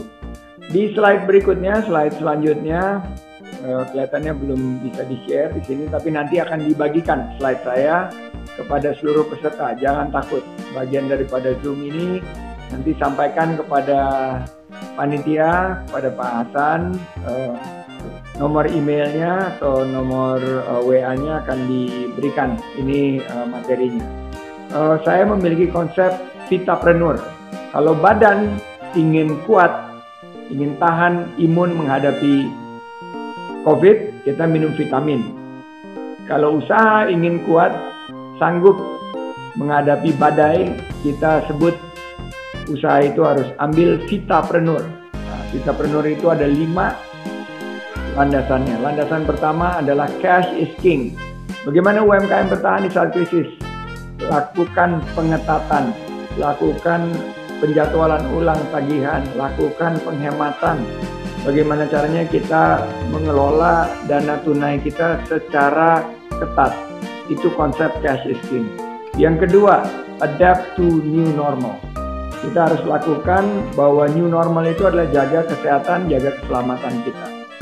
Untuk itu, banyak peluang-peluang di sisi kesehatan, di sisi uh, di sisi um, keselamatan diri kita. Jadi ini yang nomor dua, Vitapreneur yang nomor dua adalah adaptasi ke new normal, menyesuaikan kepada saat-saat normal yang baru. Temukan peluang baru. Jika kita tidak memiliki produk-produk yang diperlukan, kita bisa melakukan uh, reselling atau menjadi reseller dari produk-produk yang dibutuhkan. Lakukan juga optimalisasi dari digitalisasi. Nah ini banyak sekali uh, masyarakat yang sekarang terakselerasi, uh, eh, UMKM yang tadinya belum masuk di era industri 4.0 akhirnya harus masuk era industri 4.0. Jadi uh, yang belum masuk digitalisasi sekarang terpacu dan uh, semua sekarang sudah bisa Zoom, semua sudah melakukan uh, transaksi melalui online, ada marketing, ada jualan online, uh, juga fulfillment dan proses-proses produksi yang lainnya. Slide berikutnya kita bicara mengenai bagaimana kita melihat UMKM ini ternyata mampu mengidentifikasi resiko-resiko yang ada pada saat uh, adanya krisis kesehatan kita ini. Jadi kalau kita lihat di slide berikutnya, uh, teman-teman Humas Undira silakan di share. Uh, kita lihat bahwa UMKM ini masih seperti zamannya Bang Irman aktif membina UMKM menjadi tulang punggung ekonomi kita. 97% dari lapangan kerja kita UMKM. Yeah ya 90 jadi kalau ada perusahaan-perusahaan besar milik uh, Bang Irman atau milik rekan-rekan di sini uh, itu hanya tiga persen daripada penciptaan lapangan kerja kita. Nah hmm. untuk uh, para UMKM ini harus bisa mengutamakan untuk melakukan identifikasi resiko daripada kesehatan. Nah mulailah timbul permintaan-permintaan uh, yang baru. Sekarang permintaan yang sebelum COVID-19 ini sekarang menurun, ada permintaan baru seperti ah ini produk-produk seperti uh, masker. Nah, ini ada masker yang sekarang sudah dibuat coraknya sangat menarik ya. Ini yang harganya sekitar eh, tujuh ribu rupiah. Ada yang lebih murah. Nah, ini murah, harganya empat ribu rupiah. Ini uh, juga produk UMKM tapi jangan kita salah karena UMKM juga sekarang udah mulai memproduksi yang semi high class. Ini produksi dari UMKM kita yang ada kawatnya di atas. Nah, ini bisa kita menutup. Nah, ini buat Bang Irman nih karena kita kadang-kadang berembun kalau pakai ini betul ya. Iya, yeah, yeah, mata. Mata. Nah, ini uh, karena ada kawatnya ini kita bisa pakai menutupi sampai atas dan dijamin tidak berembun. Nah, ini karya UMKM juga. Tidak berembun. Walaupun saya napas tidak berembun. Dan ternyata ada lagi yang lebih gila lagi. Ini harganya 200 ribu. Ini ada yang harganya 400 ribu satu. Luar biasa ini. Nggak tahu siapa yang beli ini. Satu masker. Kita lihat. Wah ini seperti Hyman dan ini uh, bagian daripada uh, adaptasi UMKM. Jadi identifikasi risiko, terapkan social distancing, uh, pastikan pekerjaan yang penting harus dilakukan hanya jika kita perlu kita keluar rumah dan ini bagian daripada nanti mempersiapkan relaksasi PSBB. Uh, jadi kesehatan utama, kesehatan nomor satu. Nah di slide berikutnya saya ingin share ini sudah banyak gambar ini diviralkan tapi di balik satu krisis selalu ada pemenang-pemenang baru, potential winner. Tadi saya sudah memberikan contoh pemenang-pemenang baru, tapi bukan hanya masker. Nah ini ada pemenang-pemenang baru seperti perusahaan-perusahaan yang me menciptakan cairan hand sanitizer. Ini sekarang laku sekali penjualannya. Juga perusahaan-perusahaan yang memproduksi. Nah ini penting nih buat Pak Rektor nih kalau nanti ke depan ini sekarang lagi in banget yaitu selain pakai masker kita pakai face shield. Nah, ini sekarang permintaannya luar biasa juga. Ini UMKM yang mengadopsi kepada new normal. Ini adalah yang pertama di lingkaran pertama yaitu medical supply and services.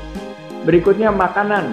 Makanan uh, juga meningkat secara tajam terutama makanan-makanan cepat saji, frozen food yang tahan lama.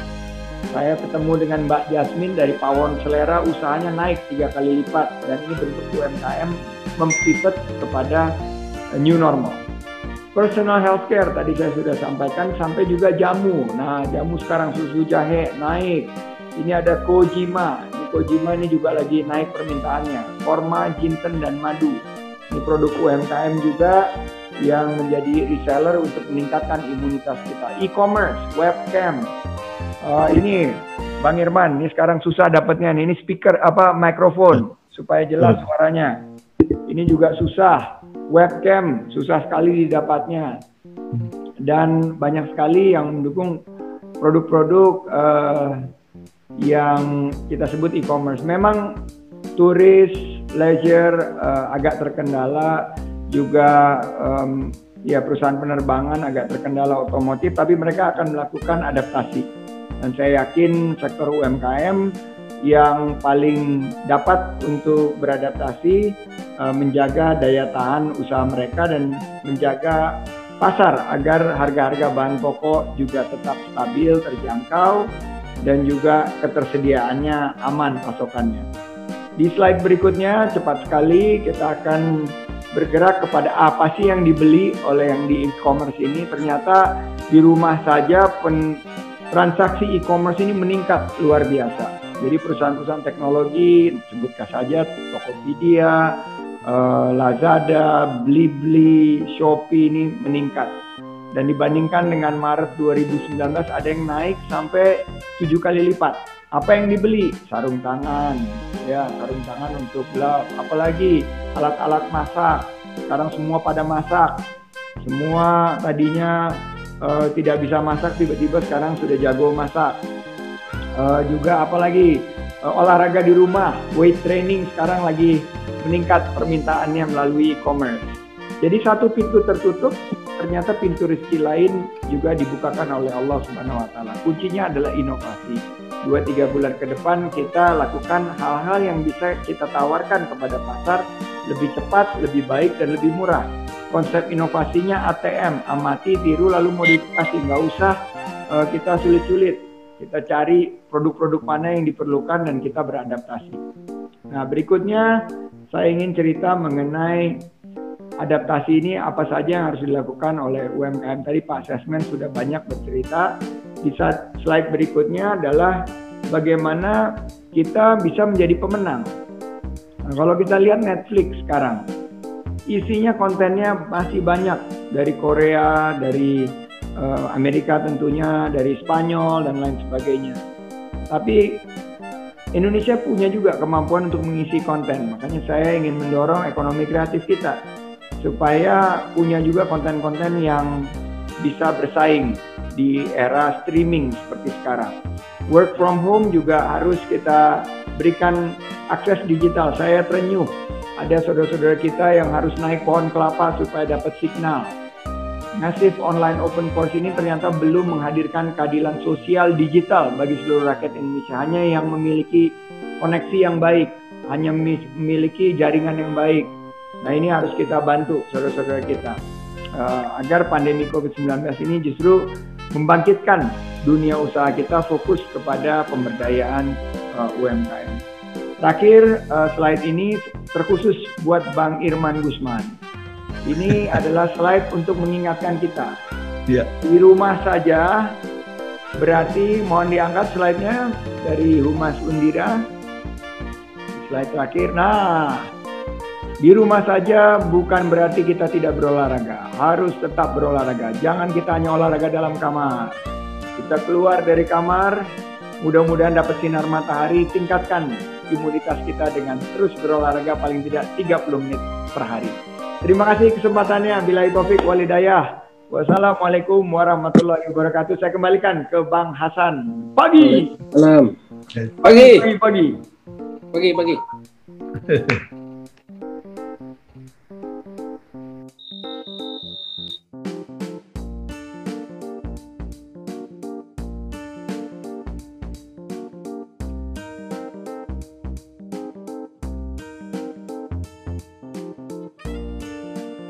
Ya, Pak Hasan di mute. Pak Hasan. Di mute. Audionya Pak, audionya dihidupkan Pak Hasan dari Mas Andi walaupun dalam waktu yang sangat singkat sekali eh, namun eh, dengan cerdasnya eh, beliau bisa menyampaikan hal itu dengan baik eh, dengan solusi-solusi yang sangat aplikatif dan mudah-mudahan hal itu bisa kita terapkan sesuai dengan bidang dan profesi kita masing-masing. Dan sekarang kita akan memasuki saat-saat yang paling menyenangkan bagi kita semuanya itu betul-betul kita uh, berkomunikasi berinteraksi dengan Mas Sandiaga Uno. Dan uh, namun dalam kesempatan ini saya akan memberikan kesempatan yang pertama uh, mungkin kepada Profesor Suharyadi uh, mungkin untuk menyampaikan uh, minimal say hello kepada Mas Sandiaga Uno dan boleh diikuti dengan pertanyaan atau hal-hal uh, yang perlu dikonfirmasikan kepada beliau. Pada Pak Rektor, Profesor Suharyadi kami silakan.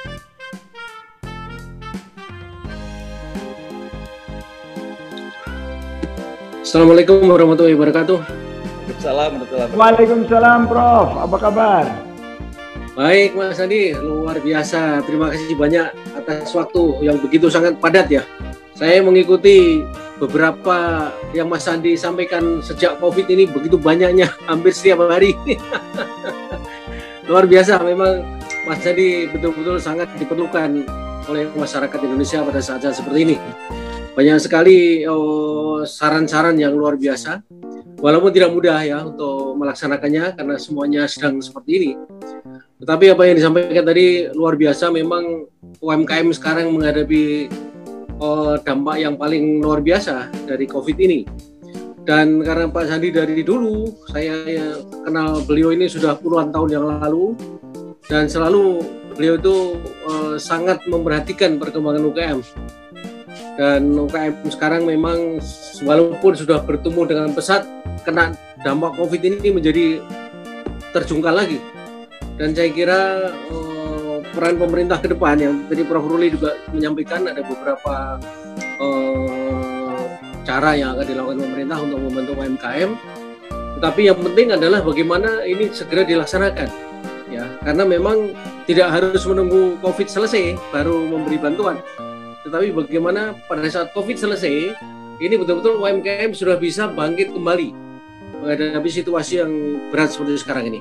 Saya tidak ingin berpanjang lebar Mas Andi karena saya yakin banyak sekali para peserta ini yang cukup banyak yang tentu karena ingin mendengarkan Mas Andi sehingga partisipannya ini luar biasa banyak ya. Dan ini alhamdulillah saya sebagai rektor Universitas Dianusantara eh, yang baru berdiri alhamdulillah pada saat seperti ini bisa mengundang tokoh seperti Pak Mas Andi. Dan sekali lagi terima kasih banyak. Wassalamualaikum warahmatullahi wabarakatuh Waalaikumsalam Prof. Terima kasih banyak. Prof atas uh, sapaannya dan baiklah Mas Andi uh, kita berikan kesempatan sekarang ini kepada uh, rekan-rekan sekalian yang hadir dalam kesempatan ini bagi uh, yang ingin menyampaikan pertanyaan langsung kepada Mas Andi kami persilakan. Di sini juga ternyata ada Prof Ina ahli UMKM ini guru saya juga rupanya banyak yang hadir dari Unpad ini kelihatannya. ada Prof. Ruli, ada Prof. Suharyadi. Jadi um, saya sih melihatnya uh, ada dua sisi ya sembari teman-teman menyiapkan um, pertanyaan uh, bahwa krisis ini selalu mendatangkan peluang. Di karakter Mandarin kan Wei Qi. Uh, krisis itu Wei Qi, Wei itu adalah bahaya, Qi itu adalah peluang. Jadi ini justru mendatangkan peluang. Saya mengalami sendiri waktu tahun 97 waktu saya di PHK. Itu uh, mulai usaha kembali ke Indonesia. Bang Irman waktu itu lagi jaya-jayanya tuh. Dia punya uh, copytime.com. Wah, itu luar biasa itu. Saya melihat bahwa bagaimana saya ikut juga membangun ini dari UMKM. Uh, karena waktu itu uh, kenyataannya kan ekonomi lagi sulit akhirnya uh, kami memulai usaha di bidang konsultan keuangan dan uh, kami mengetuk pintu banyak senior-senior untuk mendapatkan kesempatan merestrukturisasi perusahaan mereka. Alhamdulillah akhirnya usaha yang kami bangun dari hanya tiga orang karyawan jatuh bangun jatuh bangun berkali-kali menghadapi krisis. Alhamdulillah per hari ini uh, usaha kami sudah uh, membuka lapangan kerja bagi 30 ribu karyawan menjadi perusahaan investasi salah satu yang uh, terbesar di Asia Tenggara. Jadi saya ingin memotivasi teman-teman UMKM jangan down, jangan sedih dengan ada krisis ini. Cepatlah melihat peluang. Uh, dan bagi UMKM yang bisa menangkap peluang tersebut, justru ini adalah kesempatannya karena ini tombol reset. Kalau kita bisa melihat peluangnya ini, kita cepat mengeksekusi.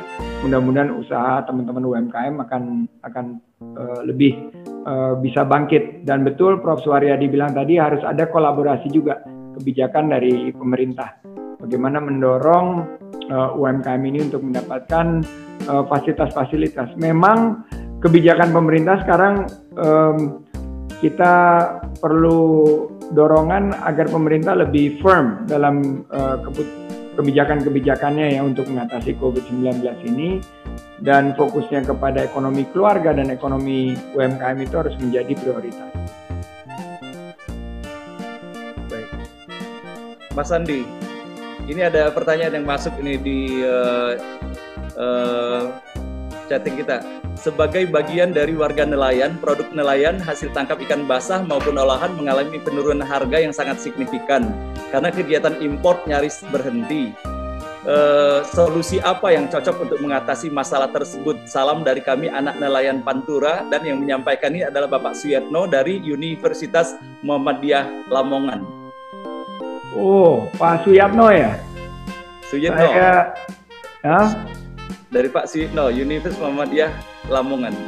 Oh Pak Suyitno Universitas Muhammadiyah Lamongan. Kalau Prof Suyatno itu Universitas Muhammadiyah Bandung, mirip-mirip namanya. Pak Yitno, um, waktu saya beberapa kali ke Lamongan memang um, prihatin melihat teman-teman uh, para nelayan di sana yang berjuang. Dan sebetulnya ini untuk sektor pangan ya khususnya ya menurut saya jadi pertanian, peternakan, perkebunan dan perikanan mestinya ini juga jadi wake up call atau jadi suatu lonceng alarm yang membangunkan kita membangunkan kita dari tidur minyak kita kita harus lihat bagaimana supply chain atau rantai pasokan kita uh, untuk pangan ini sangat bergantung kepada impor. Nah, saya dan beberapa rekan-rekan sekarang lagi membentuk satu uh, mainstreaming atau pengarus utamaan dari uh, kebijakan mengenai pangan karena akan ada uh, satu fenomena di mana COVID-19 ini akan memicu PHK, PHK akan memicu kurangnya penghasilan dan begitu penghasilan tidak uh, stabil, masyarakat akan susah mendapatkan bahan pangan dan cenderung bahan pangan ini akan di di tingkat um, pasar itu akan naik, tapi di tingkat produsen atau seperti nelayan, petani itu akan uh, tertekan. Nah, ini ada satu uh, harus ada pemikiran. Pemerintah lima tahun terakhir ngomong infrastruktur, infrastruktur, infrastruktur, infrastruktur. Bisa kok. Sekarang ini gimana kalau kita harus utamakan pangan? Lima tahun ke depan kita benahi, punya BUMN, eh, ada menterinya yang fenomenal, Erick Thohir. Gunakan BUMN, gunakan private sector, gunakan uh, masyarakat kita nelayan, petani semua untuk uh, bersatu padu Indonesia Incorporated menjadikan pangan ini prioritas utama uh, dari kebijakan lima tahun ke depan. Saya yakin kita fokus di komunitas-komunitas yang kita memiliki comparative dan competitive advantage dan salah satu yang kita memiliki keunggulan komparatif dan keunggulan kompetitif itu adalah uh, perikanan dan kelautan. Saya banyak bicara sama Pak Edi Prabowo, uh, Menteri KKP, uh, Menteri Kelautan dan Perikanan kita. Dia sangat terbuka.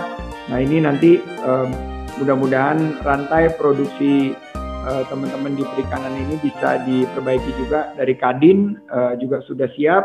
Kita bangun nanti cold storage-nya. Kita kuatkan rantai pasokan dan distribusi untuk produk perikanan kita. Kita utamakan kebijakan yang berpihak kepada petani. Impor bisa kita mulai kurangi begitu produksi kita meningkat. Dan inilah menurut saya COVID-19 yang akan membangkitkan sektor pangan kita ke depan. Baik, Mas Sandi, pertanyaan berikutnya eh, dari Hanugrah Kristiono. Eh, jadi beliau menanyakan, terima kasih Bang Sandiaga Uno, izin bertanya kalau untuk pariwisata apa ide atau tips inovatif agar kami bisa bangkit kembali? Nah ini berat sekali ya, saya kemarin ada tiga klaster pariwisata yang eh, melakukan Zoom Hut Zoom curhat. Jadi uh, teman-teman dari NTB, teman-teman dari Sumatera Barat, khususnya Padang Panjang, teman-teman dari Bali, um, ini adalah beberapa provinsi yang sangat bergantung pada pariwisata. mereka uh, tentunya ya selain curhat mengeluh uh, mereka membutuhkan satu bantuan dan pada saat sekarang bantuan yang paling utama untuk sektor pariwisata adalah cash is king bantuan likuiditas buat mereka agar mereka tidak mem-PHK kan.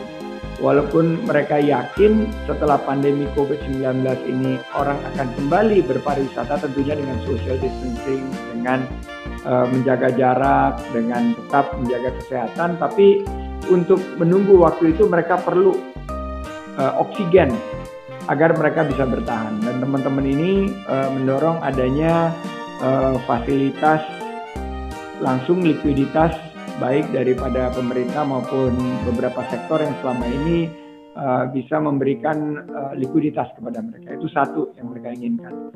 Kedua, pariwisata uh, juga perlu penyesuaian untuk para driver, travel dan lain sebagainya. Kemarin kami mengarahkan mereka untuk uh, menjadi uh, menjadi mitra kita melakukan distribusi um, sembako karena banyak sekali sekarang sembako yang harus didistribusikan kepada saudara-saudara kita yang ada di uh, ekonomi terbawah dan ini teman-teman di uh, pariwisata punya kendaraan, punya driver. Nah, ini bisa kita gunakan bekerja sama karena ada sedikit tantangan dengan adanya PSBB ini di logistiknya. Ketiga, teman-teman di sektor pariwisata banyak yang pivot ini usulan saya juga. Karena mereka punya uh, kemampuan untuk mengakses pasar. Uh, sektor pariwisata ini punya database dari pelanggan-pelanggan mereka maupun juga koneksi-koneksi dan silaturahim. Jadi salah satu vitapreneur yang juga uh, banyak saya uh, berikan advice kepada para UMKM ini adalah survive through ecosystem. Jadi di sini misalnya ada 370, 380 lah partisipannya dan ada mungkin ratusan lagi yang di Facebook. Ini akan menjadi jejaring. Nah, teman-teman dari pariwisata ini sementara pivot dulu. Ada yang jual uh, produk makanan, ada yang jual produk-produk yang berkaitan dengan keunggulan kearifan lokalnya uh, dari segi uh, ekosistemnya. Dan banyak mereka akhirnya uh, misalnya yang pariwisata di Sumatera Barat sekarang beralih menjadi uh, reseller daripada rendang nih. Karena mau lebaran rendang banyak diminta terutama di daerah-daerah urban. Uh, ini banyak teman-teman di sektor pariwisata beralih menjadi supplier dan reseller dari produk-produk uh, panganan yang bisa uh, dikirim uh, juga di Lombok, ayam taliwang, uh, kangkung plecing. Uh, karena kita kangen, pengen ke sana nggak bisa, akhirnya kita makanannya aja yang dibawa. Nah, teman-teman dari sektor pariwisata itu yang bekerja sama dengan sektor kuliner setempat untuk me mempopulerkan dan bahkan ada yang dikirim juga ke luar negeri tentunya dengan teknologi uh, makanan yang sekarang lebih baik bisa lebih awet uh, tanpa zat pengawet. Demikian Mas Bang Hasan. Ya, Mas Andi, uh, ini menarik sekali. Uh, sebelum uh, pertanyaan berikutnya, saya memperhatikan juga sekarang ini ada fenomena baru. Ketika ibu-ibu tidak lagi bisa berbelanja dengan leluasa di pasar-pasar rakyat, maka mereka belanja sekarang ini melalui online dan isi box yang dikirim itu adalah berupa sayur mayur dan sayur mayur segar dengan harga yang terdiskon dengan kualitas yang sangat baik sekali. Nah ini ada pertanyaan dari Mas uh, Ardi Prawiro. Uh, bagaimana menurut Mas Sandi uh, potret serta potensi digitalisasi daripada sektor pertanian ke depannya? Baru saja kita membahas dengan teman-teman di Unhas dengan Bu Rektor Universitas Hasanuddin tadi pagi. Ini karena COVID ini saya jadwal webinar ini tiap jam ada satu ya ugal-ugalan lah karena uh, semuanya memanfaatkan ini teknologi kita nggak perlu ke mana-mana jadi hampir setiap slot ada. Nah tadi pagi kita bicara mengenai sektor pangan. Jadi Mas Adi tepat sekali uh, sekarang pendekatan pangan kita akan mengadopsi digitalisasi dan cara penjualannya bisa melalui uh, sosial media yang terbuka seperti Instagram, Twitter, atau Facebook uh, maupun YouTube, tapi bisa juga yang close end seperti WhatsApp dan platform lainnya seperti Zoom. kadang-kadang saya kalau di sisi grup grup chat ini sebelah suka ada yang jualan gitu loh. Uh, jadi ini cara mereka untuk berjualan dan sayur mayur sekarang sudah ditawarkan dengan harga yang uh, sangat terjangkau, juga keadaan yang uh, segar, fresh, dan bisa langsung diantar ke rumah. Ini adalah fenomena baru. Tapi selain daripada itu, kita tadi di pagi-pagi sepakat bahwa revolusi sektor pangan kita dengan pengarus utamaan atau mainstreaming daripada sektor pangan ini akan ada uh, dua penggerak. Penggerak utamanya adalah milenial. Ini sekarang nanti kita akan lihat petani, nelayan, um, peternak itu semua dari milenial-milenial. Tiba-tiba milenial sekarang tidak lagi menjauhi sektor pangan karena COVID-19 ini membangunkan kita semua, hey, ekonomi ke depan akan berbasis kebutuhan, needs based economy, bukan keinginan atau want based economy. Jadi mereka akan balik kepada basic, basic first atau um, uh, kembali kepada basic, back to basics. Jadi kembali lagi ke pangan. Nanti milenial ini berbondong-bondong ngurusin pangan, mulai dari kulinernya yang di ujung sampai kepada produksinya, petani dan lain sebagainya. Nah konsepnya ini milenial akan ada digitalisasi, teknologi pangan. Kita ketemu sosok-sosok milenial yang luar biasa, ganteng-ganteng, keren-keren, berpeluh, tapi pakai sepatu boot, mereka turun langsung di lapangan. Kedua, uh, urban farming. Ketahanan pangan ini dimulai dari keluarga. Sekarang tiap keluarga terpicu lahan di belakang rumahnya dibuat juga lahan yang produktif melalui vertical garden, urban farming, rooftop dan lain sebagainya. Mereka mulai menanam kebutuhan pokoknya. Malah ada tanaman-tanaman obat-obat keluarga ya, toga yang di, juga dikembangkan.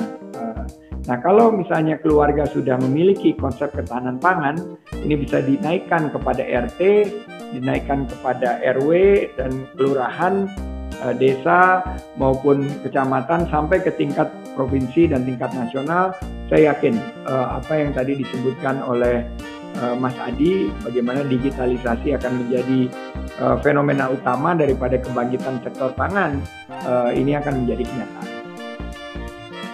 Baik, Mas Sandi, ini ngantri lagi pertanyaan berikutnya Mas Sandi. Tapi saya ingin menggabungkan antara pertanyaan yang disampaikan oleh Mas Hidayat dengan uh, Arif Priyadi uh, yang ditanyakan adalah uh, bagaimana menyikapi uh, dalam situasi di mana sekarang ini mulai terjadi PHK-PHK di beberapa lembaga dan perusahaan. Nah, sementara mereka uh, masih uh, dini sekali dengan pengalaman yang sangat minim di lembaga itu. Nah, kira-kira bagaimana uh, strategi menyikapi jam terbang belum memadai sementara harus switch ke dalam bidang-bidang yang disampaikan oleh Mas Sandi tadi itu. Nah, sementara itu terkait dengan pertanyaan uh, yang disampaikan oleh Mas Hidayat tadi itu adalah uh, bagaimana dari sisi UMKM-nya sendiri. Di satu sisi kan berusaha mencegah menahan diri untuk tidak melakukan PHK, tapi di sisi lain kondisinya sudah sangat berat sekali. Nah, bagaimana untuk kita tetap bisa bisa bertahan dan mempertahankan karyawan dan tapi perusahaan itu sendiri tetap survive dan memungkinkan untuk melakukannya. Silakan Mas Andi. Ya ini masa-masa yang sangat sulit ya, penuh tantangan dan saya sangat prihatin. Saya ini selain pernah mengalami PHK, saya ini korban PHK, saya tidak ingin ada saudara-saudara kita yang terkena PHK juga karena PHK ini ya sangat berat. Uh, tiba-tiba kita tidak memiliki penghasilan dan di saat yang sangat uh, penuh dengan ketidakpastian dengan pandemi COVID-19 ini rasanya kalau mencari pekerjaan itu sulit karena setiap perusahaan akan melakukan rasionalisasi. Jadi saya ingin menghimbau kepada seluruh perusahaan ya tentunya 99% daripada perusahaan di Indonesia ini kan UMKM, usaha mikro, ultra mikro, usaha-usaha kecil dan menengah. Agar eh, PHK ini ditempatkan menjadi opsi terakhir. Opsi yang absolute last. Kalau kita bisa dahulukan ambillah opsi-opsi lain seperti pengurangan biaya, opsi-opsi lain seperti menunda uh, kewajiban kepada beberapa pihak termasuk perbankan, leasing agar uh, tetap bertahan. Karena karyawan ini tentunya adalah aset perusahaan. Nah, seandainya tidak bisa lagi bertahan karena uh, bantuan pemerintah belum datang, bantuan dari dunia usaha juga uh, belum bisa didapatkan dan harus melakukan PHK, saya ingin uh, me mengajak teman-teman yang di PHK ini tentunya untuk reskilling atau upskilling. Kebetulan ada beberapa kegiatan kita seperti OKOC Indonesia yang memberikan pelatihan agar teman-teman uh, ini bisa beradaptasi uh, dengan uh, atau berdamailah dengan keadaan uh, seperti sekarang. Uh, kita buat pelatihan-pelatihan kewirausahaan maupun juga pelatihan kepada teman-teman uh, yang mungkin nggak cocok menjadi wirausaha ingin kembali uh, masuk menjadi karyawan tapi uh, skillnya masih kurang. Nah ini yang kita tambah uh, kita lakukan pelatihan untuk misalnya di sektor kesehatan. Sekarang akan dibutuhkan sekali banyak Eh, tenaga-tenaga kesehatan. Nah ini perlu melakukan upskilling atau reskilling. Juga yang perlu eh, tenaga-tenaga di sektor digital. Nah ini kita bisa lakukan. Tapi memang PHK ini harusnya menjadi uh, opsi terakhir. Dan ini kesempatan yang saya selalu bilang kepada pemerintah. Hati-hati dalam melakukan eksekusi daripada kebijakan karena kalau tidak cepat gerak daripada pemerintah sehingga likuiditas yang diperlukan oleh teman-teman ini tidak bisa didapat. Pertama mereka 2-3 bulan mungkin mantap makan tabungan. Ini kita sebagai pengusaha paling ngerti nih siklusnya. Kalau lagi turun naik turun naik ya kita mantap dulu lah makan tabungan. Tapi begitu tabungannya habis, kita harus ke fase berikutnya yaitu manset, makan jual hasil aset. Nah ini yang mulai berbahaya karena kalau kita sudah menjual aset, apalagi aset itu adalah aset produksi yang terhubung dengan kegiatan usaha kita, ini dampak kerusakannya akan lebih permanen. Sehingga nanti begitu ada relaksasi dan ekonomi mulai dibuka kembali, UKM-UKM ini nggak akan bisa untuk tumbuh berkembang.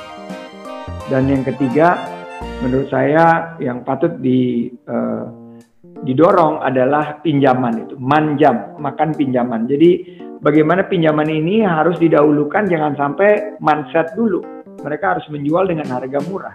Jadi pinjaman ini harus disediakan. Saya mendorong ada kredit yang dijamin pemerintah 6 bulan ke depan mungkin sekitar 50 juta rupiah uh, plafonnya untuk para UMKM-UMKM ini uh, agar mereka tidak melakukan PHK dan juga himbauan kepada manajer-manajer level ke atas mulailah memberikan satu um, kelegowoan mengurangi kompensasinya untuk membantu teman-teman yang ada di uh, strata ekonomi ke bawah. Sehingga akhirnya nanti beban biaya hidup. Harga-harga kan sekarang mulai naik. Nah, saya sekarang mau tanya nih dari 380 yang ada di sini, tolong type di di sisi chat. Saya mau tanya teman-teman, sekarang biaya hidup turun atau naik? Harga-harga terasa semakin turun atau naik? Beban biaya hidup itu seakan-akan semakin ringan atau berat? Nah ini semua nih lihat nih.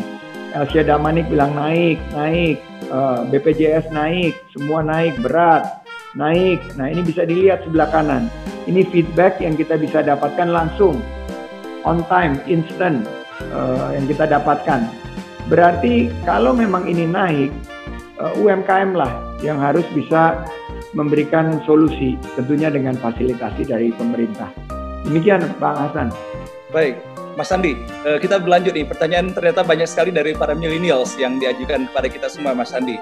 Eh, pertanyaan berikutnya dari Mas Hardiantoni. Di sini beliau menanyakan bagaimana tips mengembangkan UMKM agar menjadi bisnis franchise dalam era seperti sekarang ini.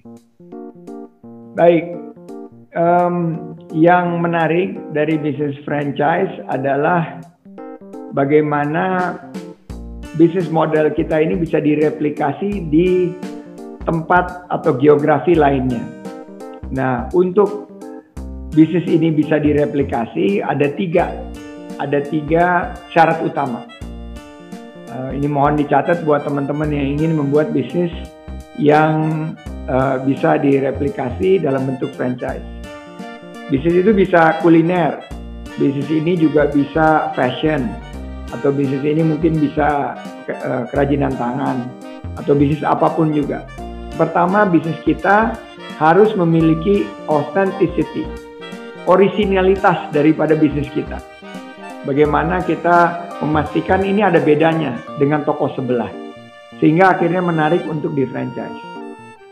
Jadi kalau ada bisnis empek-empek misalnya, harus ada pem pembedanya dari bisnis ini. Bisnis empek-empek kita ini bedanya apa? Mungkin mereknya, mungkin rasanya, mungkin sensasinya, mungkin pengemasannya dan lain sebagainya. Itu dulu. Pertama adalah authenticity atau originalitas dari uh, produk, jasa atau apa pun usaha kita. Kedua, agar menjadi uh, relevan, agar menjadi bisa diminati uh, sebagai reseller, UKM kita tuh harus relevan, harus menjawab tantangan zaman, tantangan masa. Karena produk-produk itu ada masanya. Setiap masa ada produknya, setiap produk ada masanya. Nah, produk-produk kita ini harus bisa menyesuaikan zaman kekinian, milenial itu maunya seperti apa. Target market kita maunya seperti apa. Nah, ini yang menarik buat saya uh, agar uh, teman-teman mulai mencari uh, produk-produk yang relevan, yang dibutuhkan pada saat ini. Ya tentunya sekarang karena COVID, semua yang berkaitan dengan kesehatan, dengan digital, uh, dengan hal-hal yang berkaitan dengan penanggulangan COVID-19 ini akan jadi booming paling nggak 2-3 tahun ke depan. Apakah orang akan mema berhenti memakai masker? Menurut saya enggak dua tiga tahun depan orang akan memakai masker. Jika kita naik pesawat, orang lain apakah uh, harus ada dua jam sebelumnya di airport? Mungkin empat jam, karena mereka harus melakukan rapid test.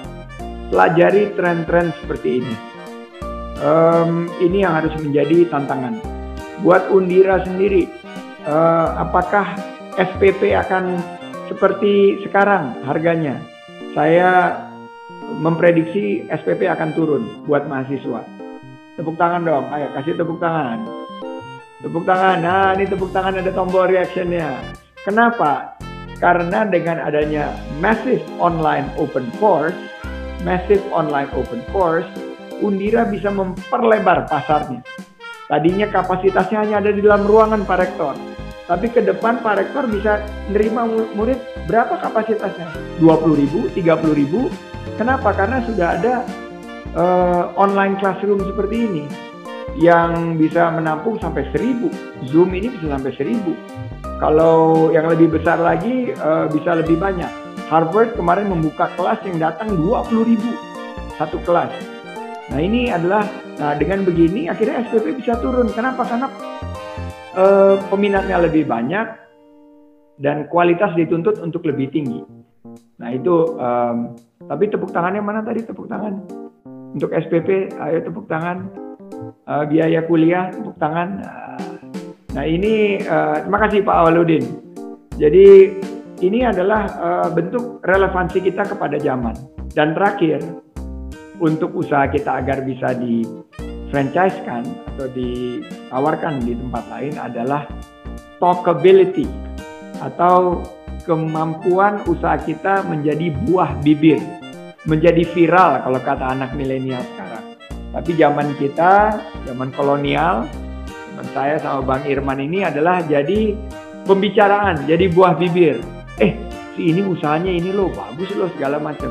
Nah, di sinilah kemampuan pengusaha-pengusaha itu untuk menciptakan gimmick-gimmick usahanya mereka ini sehingga bisa menjadi buah bibir, menjadi talkability, menjadi viral.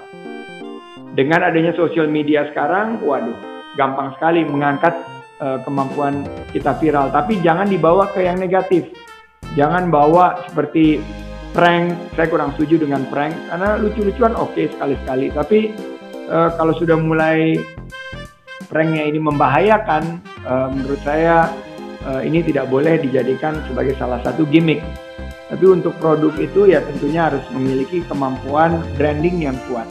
Jadi kalau disingkat tadi A authentic, R relevan, T talkable.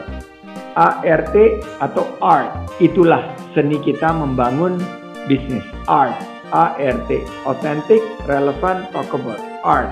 Itu adalah seni kita membangun uh, usaha kita. Karena membangun usaha itu bukan science, bukan ilmu pasti, bukan ilmu eksakta, tapi adalah seni. Kita bagaimana kita melakukan inovasi dan kreativitas dari uh, inisiatif kita. Baik, Mas Adi terima kasih uh, terutama dengan tadi tips terakhir art. Namun sebelum kita menutup uh, acara ini sesuai dengan janji kita pada Mas Adi tepat pada jam 15 dan nanti juga kita akan berikan kesempatan sedikit pada Mas Irman untuk uh, menyapa Mas Adi di sini. Ini pertanyaan terakhir dari Bapak Dr. Agung Solihin. Beliau adalah uh, Direktur Penelitian dan Pengabdian Masyarakat dari Undira dan saya harus memberikan kesempatan kepada beliau di mana beliau menanyakan dalam situasi uh, pandemik sekarang ini uh, bagaimana mengubah core bisnis yang mandek uh, dengan mengadaptasi uh, core bisnis dengan model bisnis baru uh, yang perlu kita menyesuaikan terhadapnya? Yang mungkin ini yang paling berat ya. Kalau core bisnis kita udah mandek. Tadi kalau kita lihat kan ada potential losers, ada um, beberapa sektor usaha yang paling tidak 2-3 tahun ke depan terkendala karena COVID-19. Uh, tapi saya yakin jika uh, kita harus melakukan pivot, uh, ini akan hadir dengan tiga uh, pilar utama ya, tiga pilar utama yang merupakan orientasi daripada esensi berwirausaha. Pertama adalah inovasi. Kita ambil aja Astra. Astra produksi mobil. Mobil ini dengan pembatasan sosial ya pastilah permintaannya turun. Saya kebetulan adalah suppliernya Astra juga um, dia harus beradaptasi. Adaptasinya ini bisa dilakukan dengan inovasi. Inovasi apa yang dia lakukan di sektor otomotif? Dia harus bisa menciptakan kendaraan yang menjadi game changer di era post covid, yaitu kendaraan yang uh, mengedepankan uh, keselamatan dan kesehatan, sehingga mungkin kendaraan itu dilengkapi oleh fitur-fitur membunuh bakteri dan lain sebagainya. Uh, juga dia harus berpivot uh, untuk menciptakan kendaraan yang lebih ramah lingkungan. Karena COVID-19 ini membangkitkan kita untuk melihat bahwa ke depan pembangunan kita harus lebih sustainable, harus lebih berwawasan ramah lingkungan. Berarti harus ada pivot dari penggunaan uh, eh, BBM, bahan bakar minyak, Eh, menjadi yang lebih ramah terhadap lingkungan, mungkin uh, battery operated atau electric vehicle. Itu adalah bagian daripada uh, inovasi. Yang kedua adalah berani mengambil risiko. Core-core bisnis yang sekarang mandek ini, leadersnya akan dihadapi dalam satu keputusan atau kebijakan yang mereka harus ambil. Change or you will perish. Berubah atau punah. Nah, kita harus berani mengambil resiko untuk melakukan pivot. Kalau kita tidak berani mengambil resiko, kita akan tidak mampu untuk uh, bertahan. Dan yang terakhir adalah proaktif. Ini sisi orientasi kewirausahaan di mana kita walaupun anak-anak muda ini kaum rebahan, kaum mager dan lain sebagainya harus tetap proaktif mencari, menjemput bola, cari peluang karena peluang ini tidak datang uh, berkali-kali. Mereka datang sesekali dan kali ini sebetulnya adalah kesempatan kita untuk menangkap peluang tersebut. Banyak perusahaan-perusahaan yang harus meriset kita kalau tidak gerak cepat ini peluangnya akan uh, hilang. Oleh karena itu saya dorong UMKM-UMKM yang ada di Indonesia semuanya untuk bergerak cepat mengadopsi peluang ini, ambil peluang yang ada di depan kita dan mudah-mudahan kita bisa uh, tumbuh berkembang di era uh, new normal atau di era realita baru daripada bisnis setelah COVID-19.